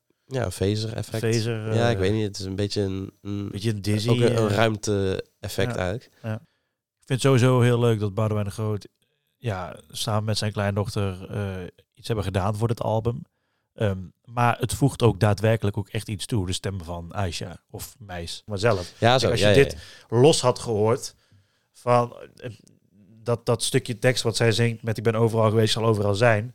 Als dat er niet in had gezeten zonder een vrouwenstem, dan was het misschien nog raarder geweest, weet je wel. Dan, Ja. Dus dit, dit het is wel goed. Maar je, je hoort wel gelijk de invloed, denk ik, toch wel van Aisha. Want het is heel modern. Dat stukje wat zij zingt, ook qua muziek, hè, dus met die, met die phaser effect, dat, dat is heel modern. Dat is En wat die heel populair is. daarna. En dat maakt het voor mij wel eh, opvallend, laat ik het dan zo noemen. Want het, ik vind het niet per se slecht. Het is namelijk, ik, vond, ik vind het juist zeker leuk niet, om. Boudewijn de Groot, om, eh, om dat soort dingen op een andere manier te horen. Maar het is opvallend, omdat we weten dat Boudewijn de Groot namelijk nooit zo'n heel erg grote fan is van hedendaagse muziek. Dat, Hip-hop en moet je maar eens een en, keer eh, die aflevering kijken van Ali B op volle... Ja, dat kan niet meer, want hij is gecanceld. Maar Ali B op volle toeren, waarin Ja. die samen met Herman van Veen... ehm, wel een grappige eh, aflevering. terug met te Ali zien. B. En het is een hele toffe aflevering. Op zich is dat wel, eh, eh, wel geworden. Maar in- daarin spreekt hij ook echt wel zijn ongenoegen uit over de muziek van heden ten dagen, zeg Ja. maar. En dat is iets wat gewoon heel opvallend is. Ik denk, ja, wat opvallend is aan dit nummer, op, dit album, het springt er wel meteen, meteen uit. Naast het feit dat het ook de enige vrouwenstem is die op dit album eh, eh, hoort. Er zijn voor, Ja, de, voor de rest is het alleen Boudewijn de Groot en als achtergrondzang Jacob van der Steen. en een aantal andere mannen. Ja, en alleen maar. Dus dat is wel. Ja, kan ik wel waarderen. Want de laatste keer volgens mij dat, hij iets, dat, dat er iets met een vrouw was, eh, was volgens mij met Ellie Nieman. Met Prikkenbeen. Eh dan moet ik even Is goed daartussen, is daartussen iets geweest waarop even los van echt achtergrondzangers? Ja, en als je live ook niet meetelt. Nee. Volgens mij, het, het- ik denk dat er een groot deel echt alleen maar mannen, mannenstemmen zijn geweest. Ja, dan Dus daarom valt dit ook wel op. het, zou me, het zou goed kunnen dat het met Ja. Ellen Niemann is geweest in Prikkenbeen. Van het album Picnic. Ja, dat het echt de laatste keer is dat het... eh, Half ja, jaren 60. d- Ook niet helemaal, want dit is ook niet echt een duet natuurlijk. Hè? En dat Prikkenbeen was echt een duet. Het is geen... eh, nee, het is geen gesprek. Nee. Nee. En dat is, en dat is eh, ja, dat is in dit nummer niet. En bij prikkenbeen is dat wel. Nee, maar toch zou ik dit op een of andere manier wel... Ja, ik, zou, ja, ik weet niet of ik het zou klassificeren als een duet. Ja, ik, nee, nee, nee. Die- Weer als het is wel- samenzang. Ja, het is ook geen samenzang. nee. Lastig. Een goede samenwerking is in ieder geval wel. Dat wel. Ja. Het is zeker geen Voor toegankelijk mij is het, maar het is, het is niet een toegankelijk nummer. Dus dat maakt het voor mij al wel gelijk moeilijker om er gelijk in te komen. En ik denk dat heel veel mensen die voor de eerste keer naar dit album luisteren. Het is vrij alternatief. Het nummer duurt ook heel erg lang. Ook dat. Maar het is ook een beetje waar Meis, eh, zeg maar, de muziek die zij maakt. Ik heb die muziek ook wel eens een keer geluisterd. Dat is ook vrij alternatief. Ja, Zij is ook, back, ze is ook een backing vocals volgens mij bij Evie de Visser. Dat is ook vrij alternatieve muziek als je het zo wil noemen. Dat moet je gewoon liggen. En mij ligt dat niet per definitie eh, gelijk. Maar dat wil niet zeggen dat ik het slecht vind of zo. Nee, Maar het is, het is minder toegankelijk. het is wel een opvallende keuze. Eh, dat is ook bij, eh, nou ja, dat is niet zozeer een opvallende keuze. Want hier heb- bij het volgende nummer op de plaat, daar heb ik geen, hebben wij beide geen fragmenten van. Dat wil ik toch Van heel even benoemd hebben. Piazza di Chirico. Ja, ehm, daar had ik, omdat jij, dat, omdat jij zei tegen mij, dat is gebaseerd op een schilderij. Nou, ik kende toevallig het schilderij dankzij eh kunstgeschiedenis. Oké. Is het ooit gewoon een keer voorbij gekomen. En ik vond altijd, de, de klank vond ik altijd heel mooi van het schilderij. Van de benaming eigenlijk, hè. Ja.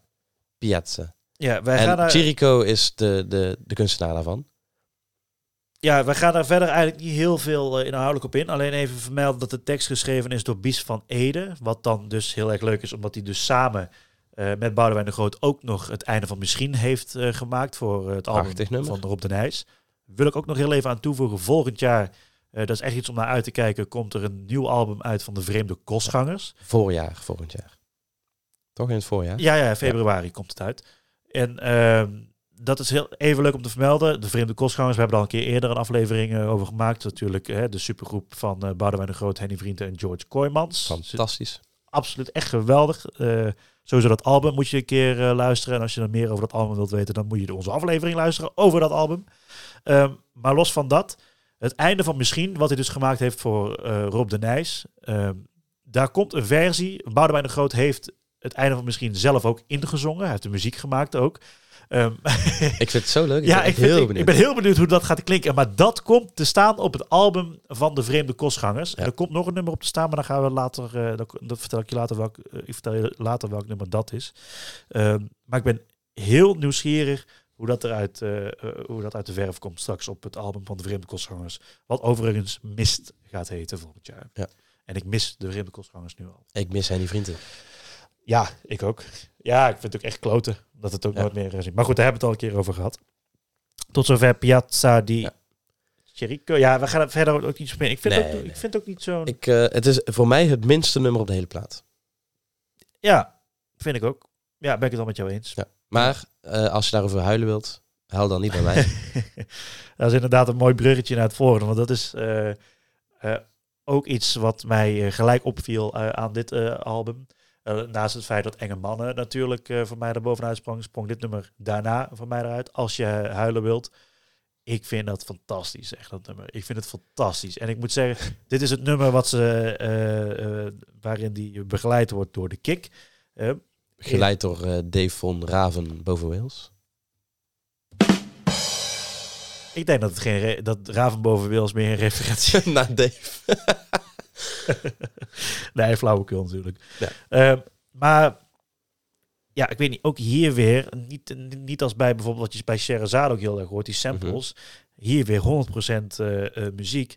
Muziek ook weer van Jaco van der Steen. Tekst uiteraard van Boudewijn de Groot. Moet ik even vertellen over de tekst. Ehm, als je huilen wilt, is door Boudewijn de Groot geschreven. En heeft hij ooit een keer gestuurd naar Dave van Raven. Voor een album die hij dacht dat dat kan hij wel gebruiken voor een album van, eh, Voor de eh, voor, de, voor de kick. En toen heeft Dave van Raven gezegd: Ja, we hebben net een nieuw album uitgebracht. Dus dat gaat, hem, eh, dat gaat het niet meer worden. Dus wij kunnen het niet meer gebruiken. Dan wil ik even iets zeggen, hè? Dan krijg jij een tekst doorgestuurd van Boudewijn de Groot, de master himself. Ja. En dan wijs je hem af. Ja, maar op zich snap ik het wel. Want je hebt een Ja, heel album Tuurlijk, nee, ik begrijp- ik je moet gaan toeren met het album. Ik zou het ook niet doen. Hè? Nee. Kijk, als ik, als ik een muzikant was en Boudewijn Groot zou mij een tekst opsturen, dan zou Ja. ik denken van, ik moet het direct gaan uitbrengen. Maar afge, afge, iets van, oh ja, nou ja, ik zou het toch wel onder druk zetten. Ik zeg, ik gooi het hele album maar om. Ja. Nee, maar uiteraard, ik begrijp dat wel. Maar ik vind dat, eh, ik, vind, ik vond het opvallend, weet je wel. Dat iemand dan eh, gewoon zegt, ja leuk, maar ik doe er niks mee. Als je dat van Boudewijn de Groot zelf, nou ja, ik ben heel blij dat hij het uiteindelijk toch zelf heeft eh, eh, uitgebracht. Ja, ja, zeker. Oh ja, En dan met de kick. Dus dan heb je toch nog het beste van twee werelden voor Boudewijn. Ja. Want het was bedoeld voor de kick. Ehm, tekst geïnspireerd op eh, Cry Me a River. Niet van Justin Timberlake, maar van eh, Julie eh, London ooit eh, eh, eh, gezongen. En wat ik net al zei, 100% eh, eh, muziek. En eh, ja, qua tekst ook goed. Klinkt gewoon heerlijk. Als je huilen wil, bij mij. Ik heb al gehuild voor twee. Als je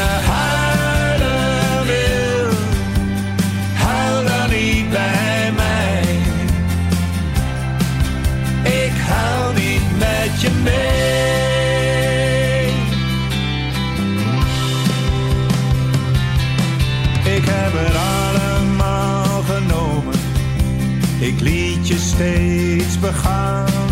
Maar de kruik ging zo lang te water. Tot het barsten zijn ontstaan.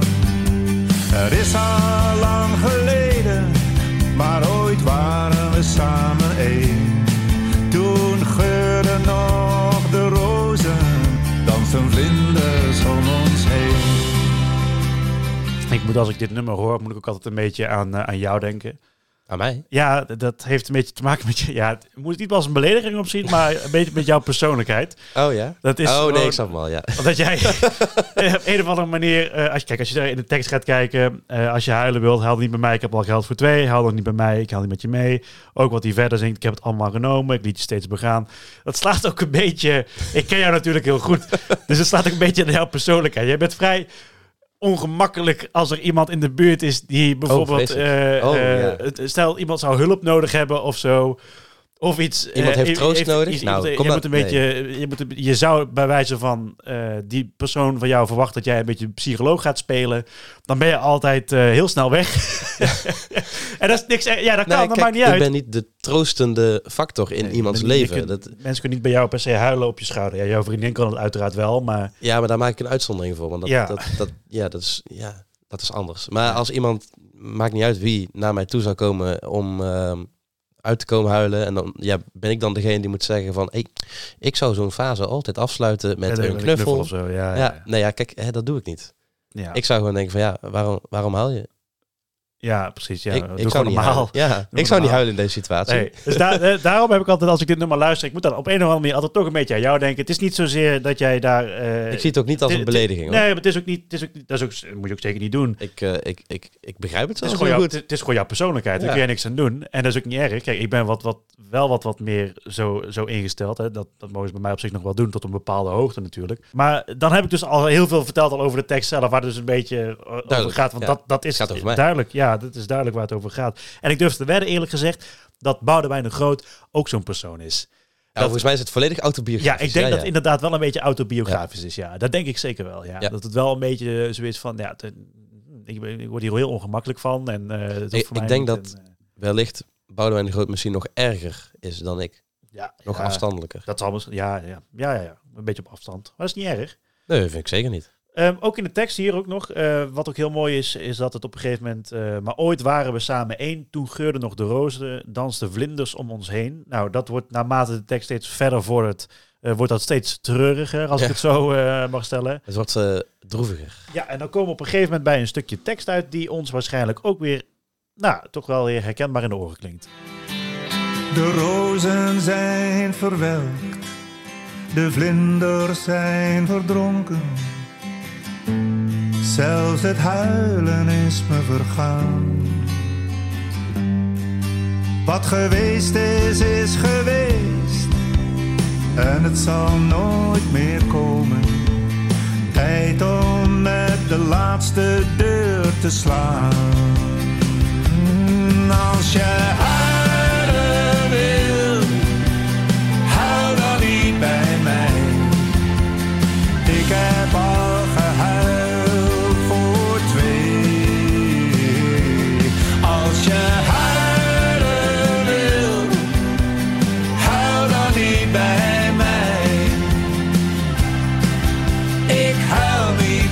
je mee. Verwijzing naar uiteraard twee bekende nummers. Verdronken vlinder, de vlinders zijn verdronken. En wat geweest is, is, is geweest. geweest. Ja, allebei eh, eh, titels van eh, nummers van Boudewijn de Groot. Van twee van zijn best verkochte albums ook nog. Eh, ja, Shehereza- Scheherazade was niet zo'n toegankelijk nummer. Dit is absoluut wel een toegankelijk nummer. Dit. Dit is eh, voor mij, in mijn optiek, het meest toegankelijke nummer op de hele plaat. Ja, vind je? Ja, ik vind dit toegankelijker dan Enge Mannen.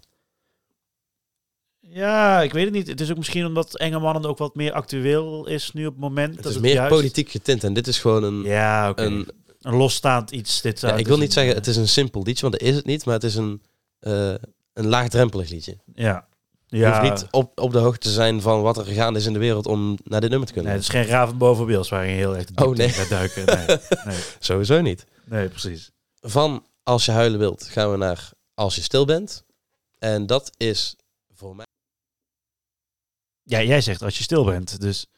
Oh, je bedoelt Waarom moet je dan mijn microfoon op mute ja, zetten? als je stil bent.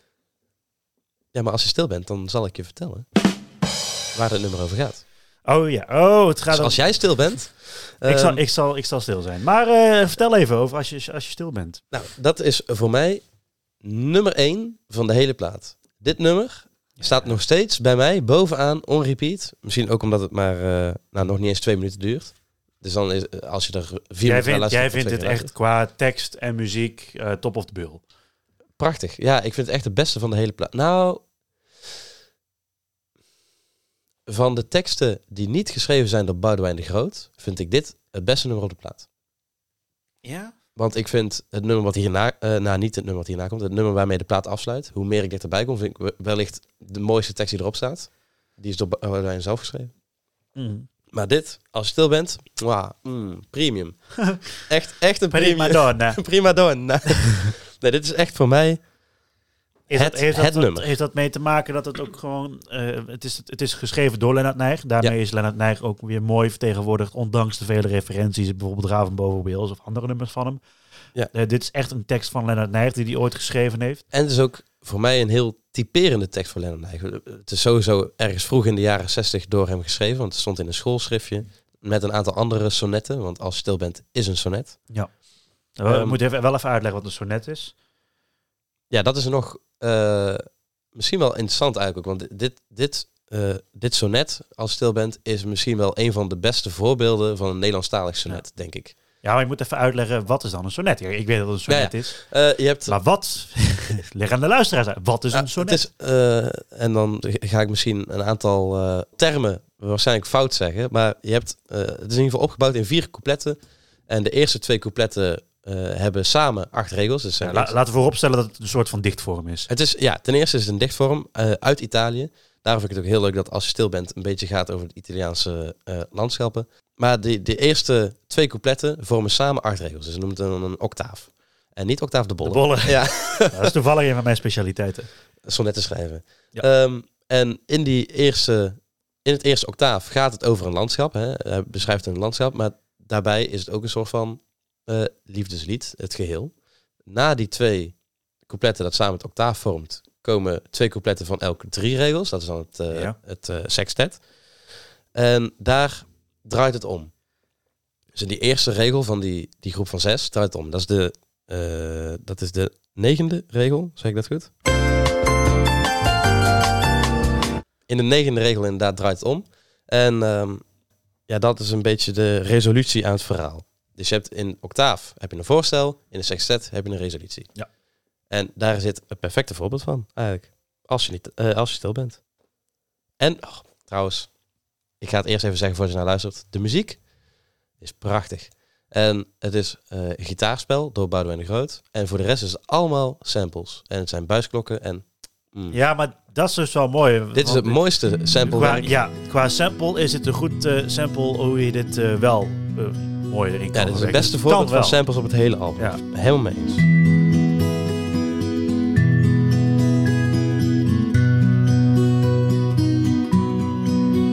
Als je stil bent, zal ik je vertellen waar de blauwe bergen zijn. De hellingen begroeid met wijn. Ik zie de dauw weer op de trossen muskadellen. Maar dit was het eerste deel van het octaaf. Dus maar de, je hebt maar de helft gehoord. Het is een heel kort nummer. Hè. Het duurt anderhalve minuut. 1 minuut 52. Ja, maar bijna twee minuten. Ja, dus echt net niet twee minuten. En dat komt ook alleen maar door dat Boudewijn de tijd Ja. neemt voor de muziek. Ja, Want als is je het een alleen hele- Ja. Als het alleen maar tekst zou doen, dan was het misschien nog niet eens een minuut geweest. Nou ja, ook wel leuk om te vertellen misschien ook is dat het eh, al een keer eerder is gezongen door eh José Koning samen met Herman van Veen. Ja. Herman van Veen kan prachtig zingen. Heeft toen ook de muziek gemaakt Ja. voor eh Sonnet 5, heet het toen? Twee. Oh, oh, oh, dacht 5? Nee, twee. Oh, oké, Sonnet 2. En ehm, op dat album José Koning zingt Lennart Nijg volgens mij dat album ook gewoon. vreselijk. Ja, ja, het- het moet je liggen. Het is niet... José eh, Koning kan in mijn mening niet zingen. Ja, nou ja, goed. Dat- ja, oké. Maar ik vind dat, dat, het nummer eh Sonnet 2, eh, want zo heet het dan ook gewoon op die plaat, eh, samen met Herman van Veen. Dus aardig. Het is niet te vergelijken. Het is totaal niet te vergelijken met... Heb je het meegenomen? Ik heb het meegenomen. Oh, oké. nou. Jazeker.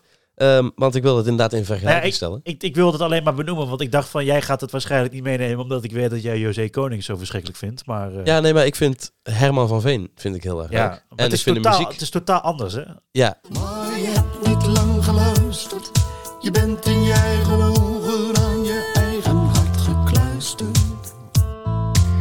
Ik heb niet als jij gelogen, zacht en stil en hard gefluisterd. Ik heb slechts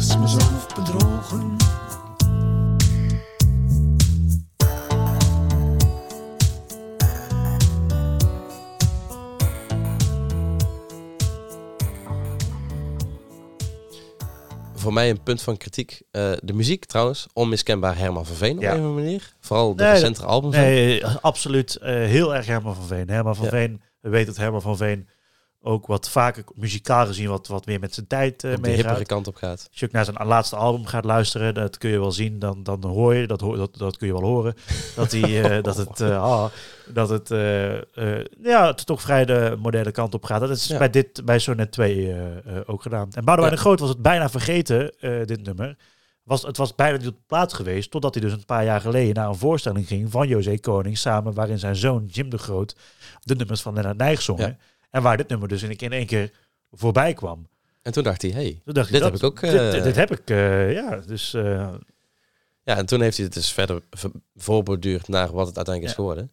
Ehm, ja, veel mooier dan de versie van Herman van Veen. ja, maar je kunt het ook niet vergelijken, want het is een totaal ander nummer geworden bij Herman van Veen. Ja, en dat is ook gelijk mijn punt van kritiek, want ze noemen het, ehm, de versie van José Koning en Herman van Veen heet ook zoals het in het boekje van 2. Lennart Nijs Ja. inderdaad, Sonnet 2. Daarom heeft Boudewijn ervoor gekozen om de tekst anders te noemen, of, Ja. eh, als je stil bent dan.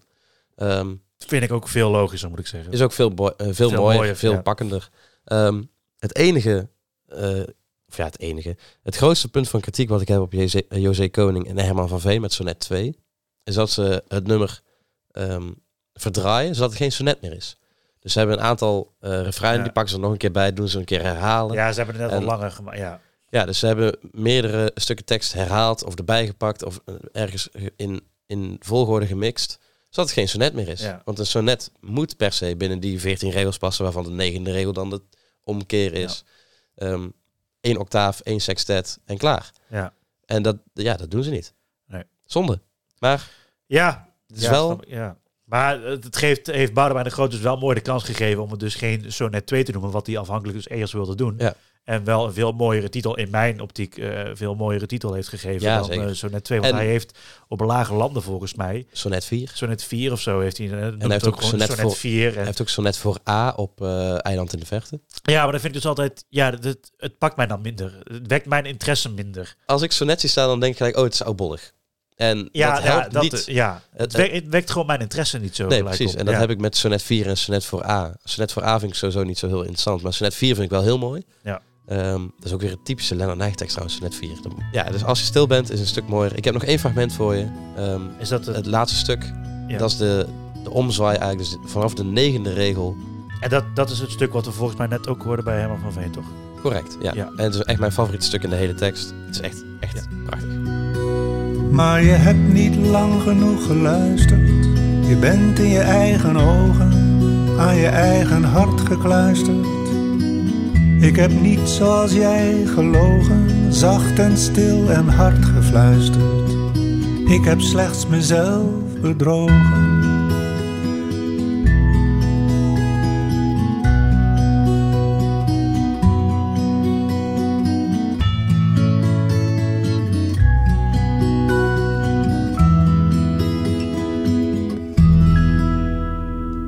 Die eh, buisklokken die je dan ook hoort, dat maakt het voor mij... eh, Prachtige klanken. Het galmt echt gewoon boem. Door, Ja. oh, door heel je hoofd in als een en wa- heeft. wat ik net ook al zei, qua samples, hebben ze, kijk, die fluit, de, de sample van de fluit zit hier ook wel in.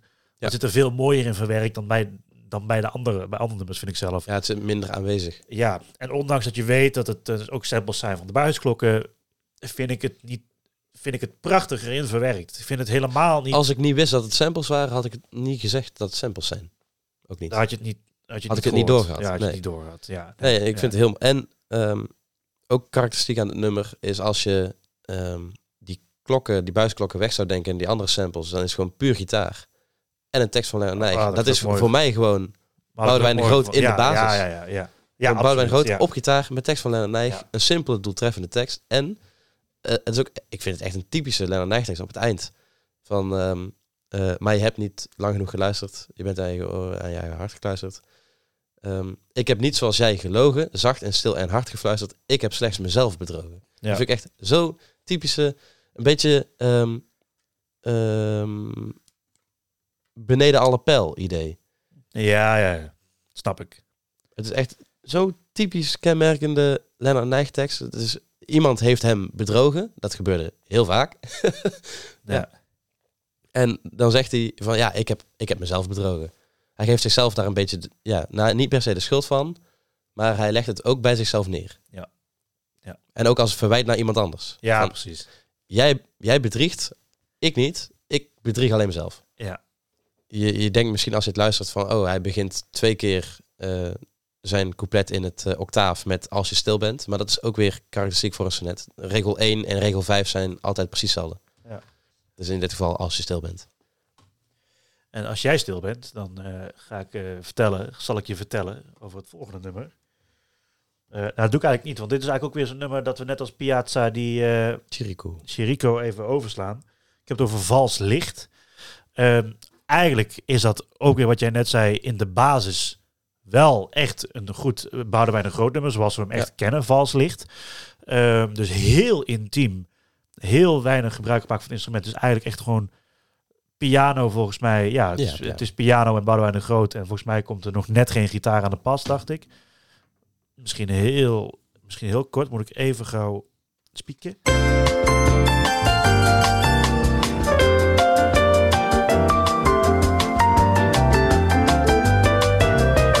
Nee, het is alleen een, eh, een, een bas en een, eh, eh, een, ding, een piano. En, en een Wurlitzer, heel veel samples, ja. Ja, heel veel dingen. Ja. Dus, geen gitaar. Dus eh, ook een mooi nummer. Eh, een verwijzing naar eh, wat zijn stiefmoeder vroeger zei. Als het had iets te maken met eh, de positie van de zon als het naar binnen scheen of zo. Ja, door het glas in lood. Zoiets, ja. Dan kreeg het een soort groen-gele waasachtig iets. En dan zei zijn stiefmoeder, oh, vals licht. En dat heeft hij, vond hij een hele mooie gedachte. Ja.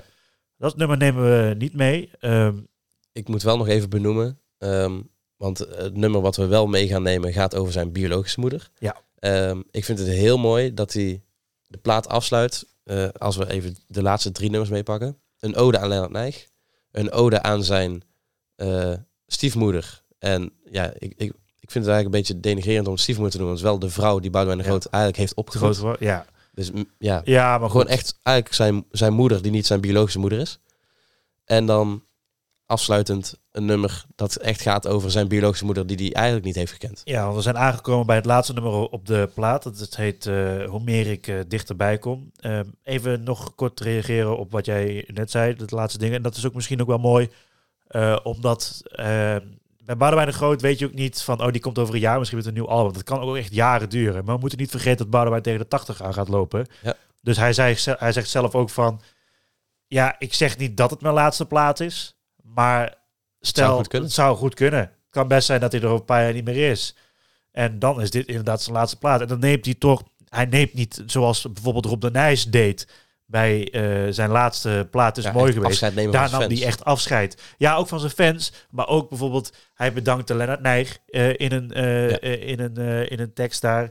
Eh, uiteraard geschreven door Melinda Muldak en zo, maar hij, hij zong het wel, weet je wel. Dus ik denk dat hij daar wel een leidraad in heeft gehad. Ja. Hij heeft een nummer gehad voor eh, tegenover zijn, of voor zijn vrouw, hè, Jet. voor Jet. Dus dat, daar, daar nam Boudewijn de Groot nam in Het is mooi geweest, of sorry, Rob Rob, de Nijs nam in zijn album Het is mooi geweest toch bij ieder liedje een beetje afscheid van wat hij Bepaalde ooit, personen, van ja. bepaalde personen wat hij ooit heeft gedaan. En dat doet Boudewijn de Groot deels, maar op een meer subtielere wijze, omdat hij dus dat het misschien nog best kan dat er nog een album aankomt Ja. binnen nu en vijf jaar. Laten we het hopen. Hoe meer ik dichterbij kom, vind ik persoonlijk. ehm, ik kan er nu heel goed naar luisteren, maar de eerste keer, of misschien de tweede of derde keer, ik moest niet per se huilen of zo. Want als je huilen wilt, ik heb al genoeg gehuild. Ja, ik huil toch niet. Het is wel heel treurig. Maar het is echt, het doet wel, het komt wel binnen. Ja. Het heeft, het heeft mij meer gepakt dan bijvoorbeeld een aarde of een, een lente of, Ja, ja, of iets tuurlijk. anders. Maar dit, ehm, deze kwam ook uit als eh, laatste single voordat het album uitkwam. Ja. Er zat eerst Aarde, Lente en toen kwam eh, Hoe meer ik dichterbij kom. En Ja. toen ik dat nummer hoorde, toen wist ik al van dit album, dit wordt, dit wordt gewoon een album, Een goed album. Ja. Ja. een hemels album. En ik krijg ook al gewoon weer kippenvel als ik aan denk van hoe ik voelde toen ik de eerste keer dat nummer hoorde. Het, het ging gelijk gewoon bam, recht Ja. naar binnen. Het is zo apart, dit nummer. Ik heb het nog nooit eerder echt- gehad nee, nee, nee, maar ik begrijp je gevoel precies. Je hoeft het niet uit te leggen, want ik begrijp Ja. precies. Ik begrijp exact je heel gevoel. apart. Het is eh, tekst door Boudewijn de Groot en ook heel mooi eh, muziek door George Kooijmans. Ook fijn dat, eh, ja, dat, dat daar nog een samenwerking mee is geweest op dit album. Bu- buiten de vreemde kostgangers. Ja, ja. Ook mooi hier, ook geen, eh, geen samples. Dus dat maakt het misschien nog honderd keer mooier dan het, eh, dan het al was. Ehm, maar hoe meer ik dichterbij kom. Ik, ik- we hebben een aantal fragmenten voor je, want het is ook een vrij lang nummer. Maar het is van begin tot het eind. Prachtig. Het is echt prachtig. Kijk, mama, kijk, hier sta ik, inmiddels oud en grijs. Kijk, mama, kijk, waar je ook bent in het eeuwige niets, of zoals je zelf altijd wilde geloven.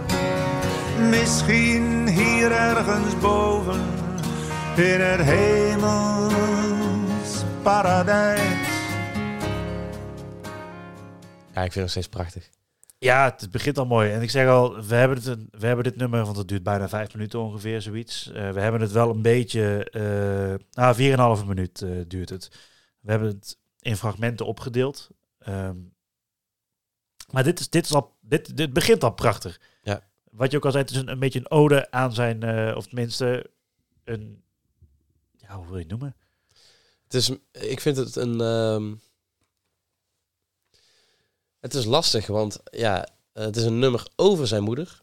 Die eh, overleden is eh, toen Boudewijn één jaar was ongeveer. Ja, bij zijn geboorte volgens mij, zoiets. Ja, ja. Ja, krap na de geboorte in ieder geval. Ja, Ja, in Indonesië, want hij is geboren in Indonesië. daar wordt ook eh, nog naar gerefereerd als de gele hel. Ja. Ehm, een Japans eh, concentratiekamp was het eigenlijk. Toen je de gele hel verliet. Ja, dat Ja. is later een tekst, heb volgens mij ook nog in de tekst, in fragmenten te dadelijk. Het is niet de eerste keer dat hij ook over zijn moeder een nummer heeft gemaakt. In principe is er bijna een hele plaat over zijn moeder gemaakt. Ja, niet per se over zijn Eh. moeder, maar achter glas is eigenlijk bijna volledig gaat over zijn, zijn jeugd, zijn, zijn moeder, zijn vader, Ja. zijn... Ja, dat is ook iets natuurlijk. Hij schrijft veel over zijn moeder. Hè. Dat deed hij voor het eerst eh, in 1975 bij het album Waar ik woon en wie ik ben. Ja. Staat het nummer, het heet ook gewoon nummer. Het nummer heet ook gewoon moeder. Ja. Ehm, dat is, dat, daar, daar begint het al. En het is in latere nummers inderdaad, dus bij Achterglas is dat steeds wel weer verder eh, eh, gekomen. Ehm, eh, en dat is, ja, ik weet niet, het is, het is een soort het is sentimenteel. Hè, want hij had natuurlijk zijn moeder nooit gekend. Dus het is, Alleen gezien hij foto's. verlangt eigenlijk naar, in al die nummers verlangt hij eigenlijk wel. Hij, hij wil gewoon zijn moeder, hij had heel graag een moeder, zijn moeder willen leren kennen natuurlijk. Hè? En Ja. dat, is een, dat is een soort wrang, wil je het noemen. Ik weet niet hoe het precies wil noemen. Naar, naar iets wat hem denk ik al jaren achtervolgt, denk ik. Ja, en, en daarom, kijk, eh, eh, vind ik het ook heel mooi dat hij dit dan na het nummer Vals Licht zet. Wat echt een, een nummer is voor Zijn stiefmoeder. zijn stiefmoeder die hem daadwerkelijk heeft opgevoed. En dan krijg je daarna het nummer in... Ja, ik zie het een beetje als de zoektocht naar zijn biologische moeder. Ja. En in dit geval, hoe ouder die wordt, hoe meer die dichterbij komt. Zie ik dat meer als ehm, hoe meer die dichterbij de hemel komt eigenlijk. In de- Oh ja, ja, ja. dus hij komt steeds dichterbij. Stel dat het wel zijn laatste album zou zijn en hij overlijdt binnen een paar jaar. Is het een wel mooi een afscheid? prachtig, het, het allerlaatste wat hij ooit heeft uitgebracht, dan is het een prachtig afscheid. Oh, sowieso. Kijk, mama, kijk. Hier sta ik, inmiddels oud en grijs. Kijk, Waar je ook bent, in het eeuwige niets. Of zoals je zelf altijd wilde geloven. Misschien hier ergens boven, in het hemels paradijs.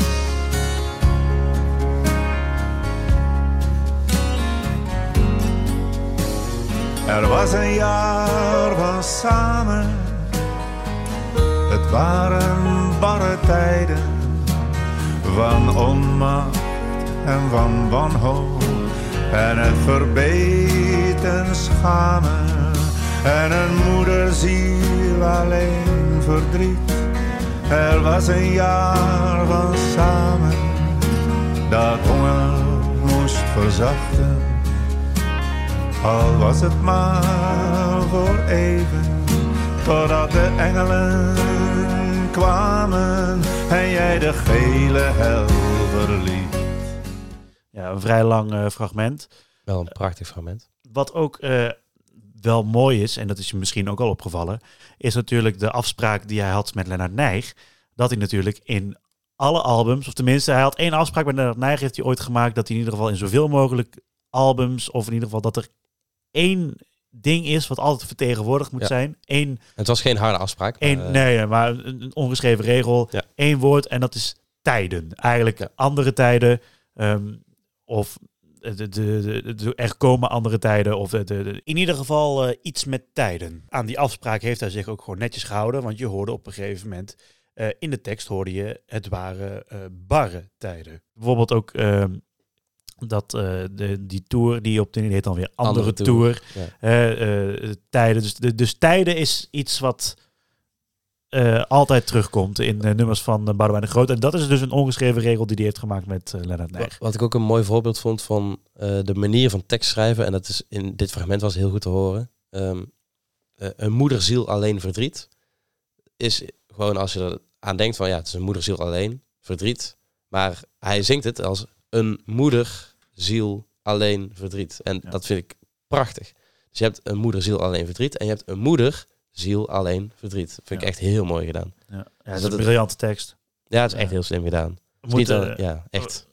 Wat we ook bij moeten vertellen is dat ook eh, dit nummer eh, straks op de plaat komt van de Vreemde Kostgangers. Maar dan de uitvoering van George Kooijmans. Want oorspronkelijk was het idee om dit nummer uit te brengen op eh, de, de nieuwe plaat van de Vreemde Kostgangers. Waarin het gezongen zou worden door George. Hè. Dus dat Ja, je dat, tekst tenminste, dat was het idee van Boudewijn. Dat was het idee van Boudewijn. Nou, George Kooijmans vond eigenlijk dat het absoluut niet de bedoeling was dat hij de tekst die zo persoonlijk dicht bij Boudewijn lag, dat hij die tekst moest gaan zingen. Ja. Ondanks dat hij het volgens Boudewijn fantastisch had gezongen, dat hij er ook kippenvel van eh, kreeg. Ehm, George vond dat hij eh, die tekst echt zelf moest gaan op, op, opnemen en voor zijn eigen plaat. Of iets, hij moest daar zelf iets mee doen. Ja, hij vond het, hij vond het zonde Ja. dat dat ten niet zou gaan, of ja, niet per se ten niet, dat het ehm, naar, kort. naar Kooijmans zou gaan, Ja. in plaats van hemzelf. Ja, dus, eh, maar de uitvoering van George Kooijmans gaan we horen straks op de plaat van de Vreemde Kostgangers Mist, die in februari ook uitkomt. Net als het einde van misschien en dan de versie van Boudewijn de Groot. Ik ben zo nieuwsgierig. Ik ben ook nieuwsgierig wat er nog meer op die plaat komt te staan straks. Ik ben heel benieuwd naar de nummers van Henny nog. ja, het is echt iets om naar uit te kijken straks. Dus ik ben daar, eh, uiteraard zullen we daar ook wel weer een, eh, een, een podcastje eh, over maken. Zeker weten. We gaan nog naar het laatste gedeelte van het nummer. Dan zijn we er alweer bijna doorheen. Het was een lange zet voor de meeste luisteraars. Het is een lange zit, maar het is ook een fantastisch album. En ja, Ja. als, als wij beide het een fantastisch album vinden... Dan, wordt het een wij- lange aflevering. Dan, dan nemen wij de tijd ook voor. Misschien wel het allermooiste eigenlijk. En wat het ook heel natuurlijk maakt in het nummer. Op het laatste gedeelte, bij het laatste coupletje... eh, nee, eh, het refrein moet ik eigenlijk zeggen... Uh, Boudewijn de Groot verschiet een klein beetje. Dat hoor je ook heel goed, duidelijk ook in, eh, in hoe die zingt. Het viel mij namelijk, nou ja, heel goed. Het viel mij de eerste keer niet zozeer op. Maar na een paar keer luisteren hoorde je het wel Als, inderdaad. je- als je het luid op speakers luistert, hoor je het wel. Misschien al mensen die het nu voor de eerste keer, die het nu voor de eerste keer horen, zullen het misschien niet direct horen. Moet je maar een paar keer even terug spoelen. Het is maar aan het begin van het het fragment. is aan het begin van het fragment. Je hoort hem verschieten. En maar ja, het is zo persoonlijk. Het is zo emotioneel. Ik ben heel blij dat het er ook gewoon in is blijven zitten. Kijk, mama, kijk, hier sta ik, inmiddels oud en grijs. Kijk, mama, kijk, kijk, mama, kijk.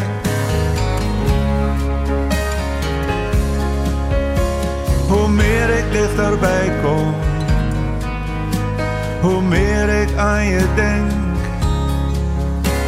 Misschien zal het gebeuren, ik weet het niet. En zul je blij verrast zijn als je ziet.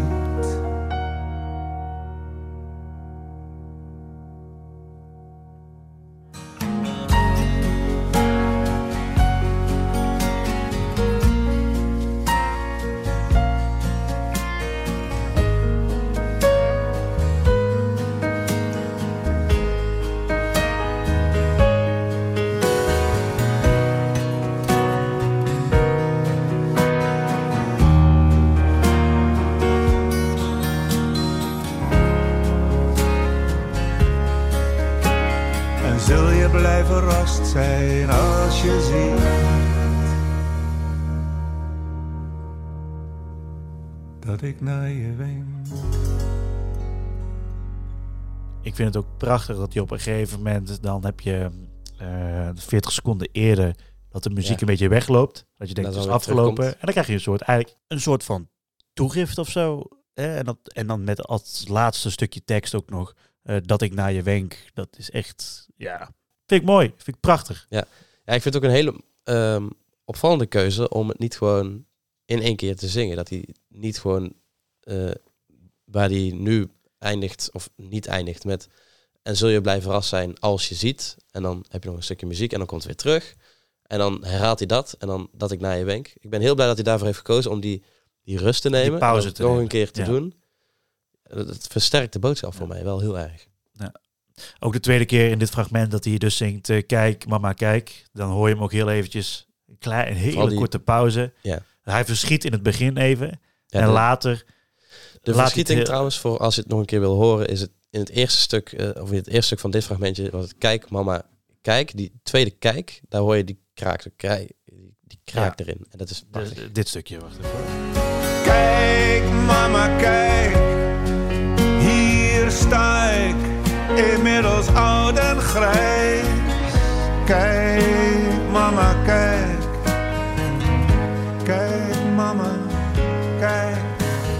Ja, dat, dat, dat stukje dus dit. Het is echt zo persoonlijk. Ja. Tenminste, het is zo, ik weet niet. Want hij heeft nog getwijfeld of hij dat opnieuw op moest opnemen. Hij heeft gezegd, nee, laat maar zo. Het is goed zo. Ja. En dat maakt het ook, weet je, als je het hele verhaal achter weet, hè, geschreven voor zijn moeder, en dat hij die heel graag zou willen ontmoeten en dat soort dingen. Dat maakt het zo mooi en zo subtiel. Ja. Ik kan, er- ik kan er alleen maar lovend over zijn. Dat is echt, het is briljante tekst en dat is ook echt, ik denk dat het ook voor heel veel mensen ook ehm, eh, misschien niet per definitie gelijk herkenbaar is, maar het Mhm. is wel een tranentrekker. Oh, iets, iets wat waarschijnlijk op veel grammatische begrafenissen gedraaid zal worden. Nou, eh, ik zal je eerlijk zijn, ik heb er zelfs over nagedacht. eh, ehm, Als je doodgaat, ja, als ik doodga, ik hoop dat het nog wel even duurt. ik maar hoop het ook, maar je weet het nooit. ja, je hebt zo'n eh, zeven van je leven lijst van de Dela, heb je. Ja, maar daarvoor had ik ook al zo'n lijst. Ehm, maar ja, ik hou zo'n lijst standaard bij voor het geval dat. En ik heb er echt wel over getwijfeld. je update hem elke ik, keer. ik, ik Ja. hou hem altijd up-to-date, dat het in ieder geval Ja, ik word daar heel de depressief van, dus ik doe dat niet. Maar Oh ja, nou ja, als je huilen wilt, huil dan niet bij mij, hè? Nee, ja, nee, daarom maak ik ook niet bij jou. Dus zoek het Nee, precies. Ehm, maar ik heb erover getwijfeld om dit nummer ook gewoon daarin te zetten. Heb ik uiteindelijk niet gedaan. Nog niet. Maar het is wel zo'n nummer, elke keer als ik het hoor, dan denk ik van ja, Ja, het maar het is is natuurlijk veel te mooi. het is- ja, het is mooi, maar, maar, maar het is niet. Je het, is moeder- niet, het gaat niet over mijn leven. Nee, precies. Maar toch, het is... ehm, het, het kan nu ook nog niet, want ik ben nog niet oud en grijs. Maar op, eh, kijk, al, Ja, Tegen de tijd- wel, maar ja, oké. maar ja, dit nummer kan alleen maar mooier worden met de tijd, denk ik. absoluut. Maar we Tenminste, zullen voor zien ons geval, omdat wij nog jong zijn. Maar als wij wat ouder zijn en we het Oh, nummer nog ja. vaker horen, dan kan het alleen maar mooier worden. Zeker. Ben ik van het, overtuigd. eh, het was een lange zit. Maar we, waren, we zijn beide enthousiast. We hebben veel behandeld. Dit keer dat doen we eigenlijk ook niet zo heel vaak. Dat we echt een nummer van A tot Z eh, helemaal uitlezen. maar nee, niet zo vaak. Nee. eh, nee, Niet maar een heel album. ik heb er wel van genoten. Ik vind het een fijn album. Heel fijn dat we passievol kunnen vertellen over Ja. Boudewijn de Groot. Ehm, en uiteraard gaan we in de toekomst nog veel meer doen. Maar daar hoor je op een later tijdstip hoor je daar nog wat meer over. Het beste album van het jaar? Nee. Nee? Niet het beste album van het jaar? Nee. Ja, goed. Kijk, nou, nou, nou gooi je me voor de leeuw. Hoor. Dus nou, eh, nou weet ik niet zo wat, ik dan per, per definitie beter vind. Maar kijk, ik ben van heel veel verschillende genres natuurlijk. Mhm. Dus ik hou van heel veel verschillende dingen. Dus ik, best, ik, ik heb nooit echt een beste album van het jaar of zo. Ja, oké. Behalve Gert Verhulst met het beste van de, het mooiste zijn mooiste liedjes natuurlijk. Dat was ja, niet van dat- dit jaar, hè? Dat was die van dit jaar. Nee, maar dat is wel het beste album wat er ooit gemaakt is natuurlijk. Hè? Dus het, eh, Vanzelfsprekend. Wij zijn nog iets heel belangrijks vergeten te vertellen. Oh. Wij staan in het boek.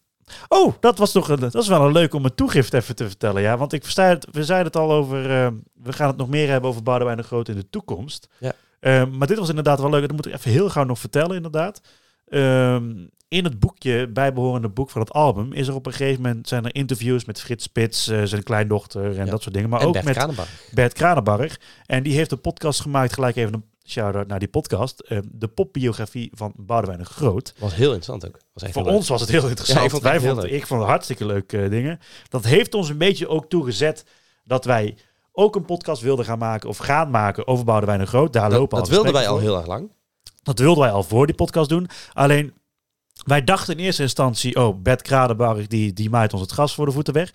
Maar eh, dat heeft hij niet gedaan, want dat, dat was echt een popbiografie. En dat Ja. ging echt over, vooral over hoe de, ja, niet zozeer hoe de nummers zijn ontstaan, maar wel zijn weg en naartoe en dat soort Ja, dingen. en de samenwerkingen op het pad en dat soort dingen. Ja, en wij willen het echt meer gaan hebben in onze podcast eh, over Boudewijn de Groot, over alle muziek en de wat meer de diepgang daarachter. En de teksten. Ja, Beetje zoals deze aflevering was. op de ochtend dat, ik, dat wij dit boekje, dat, dat wij dit, dat ik, dat, dat ik, of de dag dat ik dit album kreeg, de dag daarna in de ochtend, eh, heel vroeg, eh, zat ik in mijn stoel met een kopje koffie en ik was aan het lezen en ik eh, citeer heel eventjes het volgende, want er wordt gevraagd in een interview met Bert Kranenberg.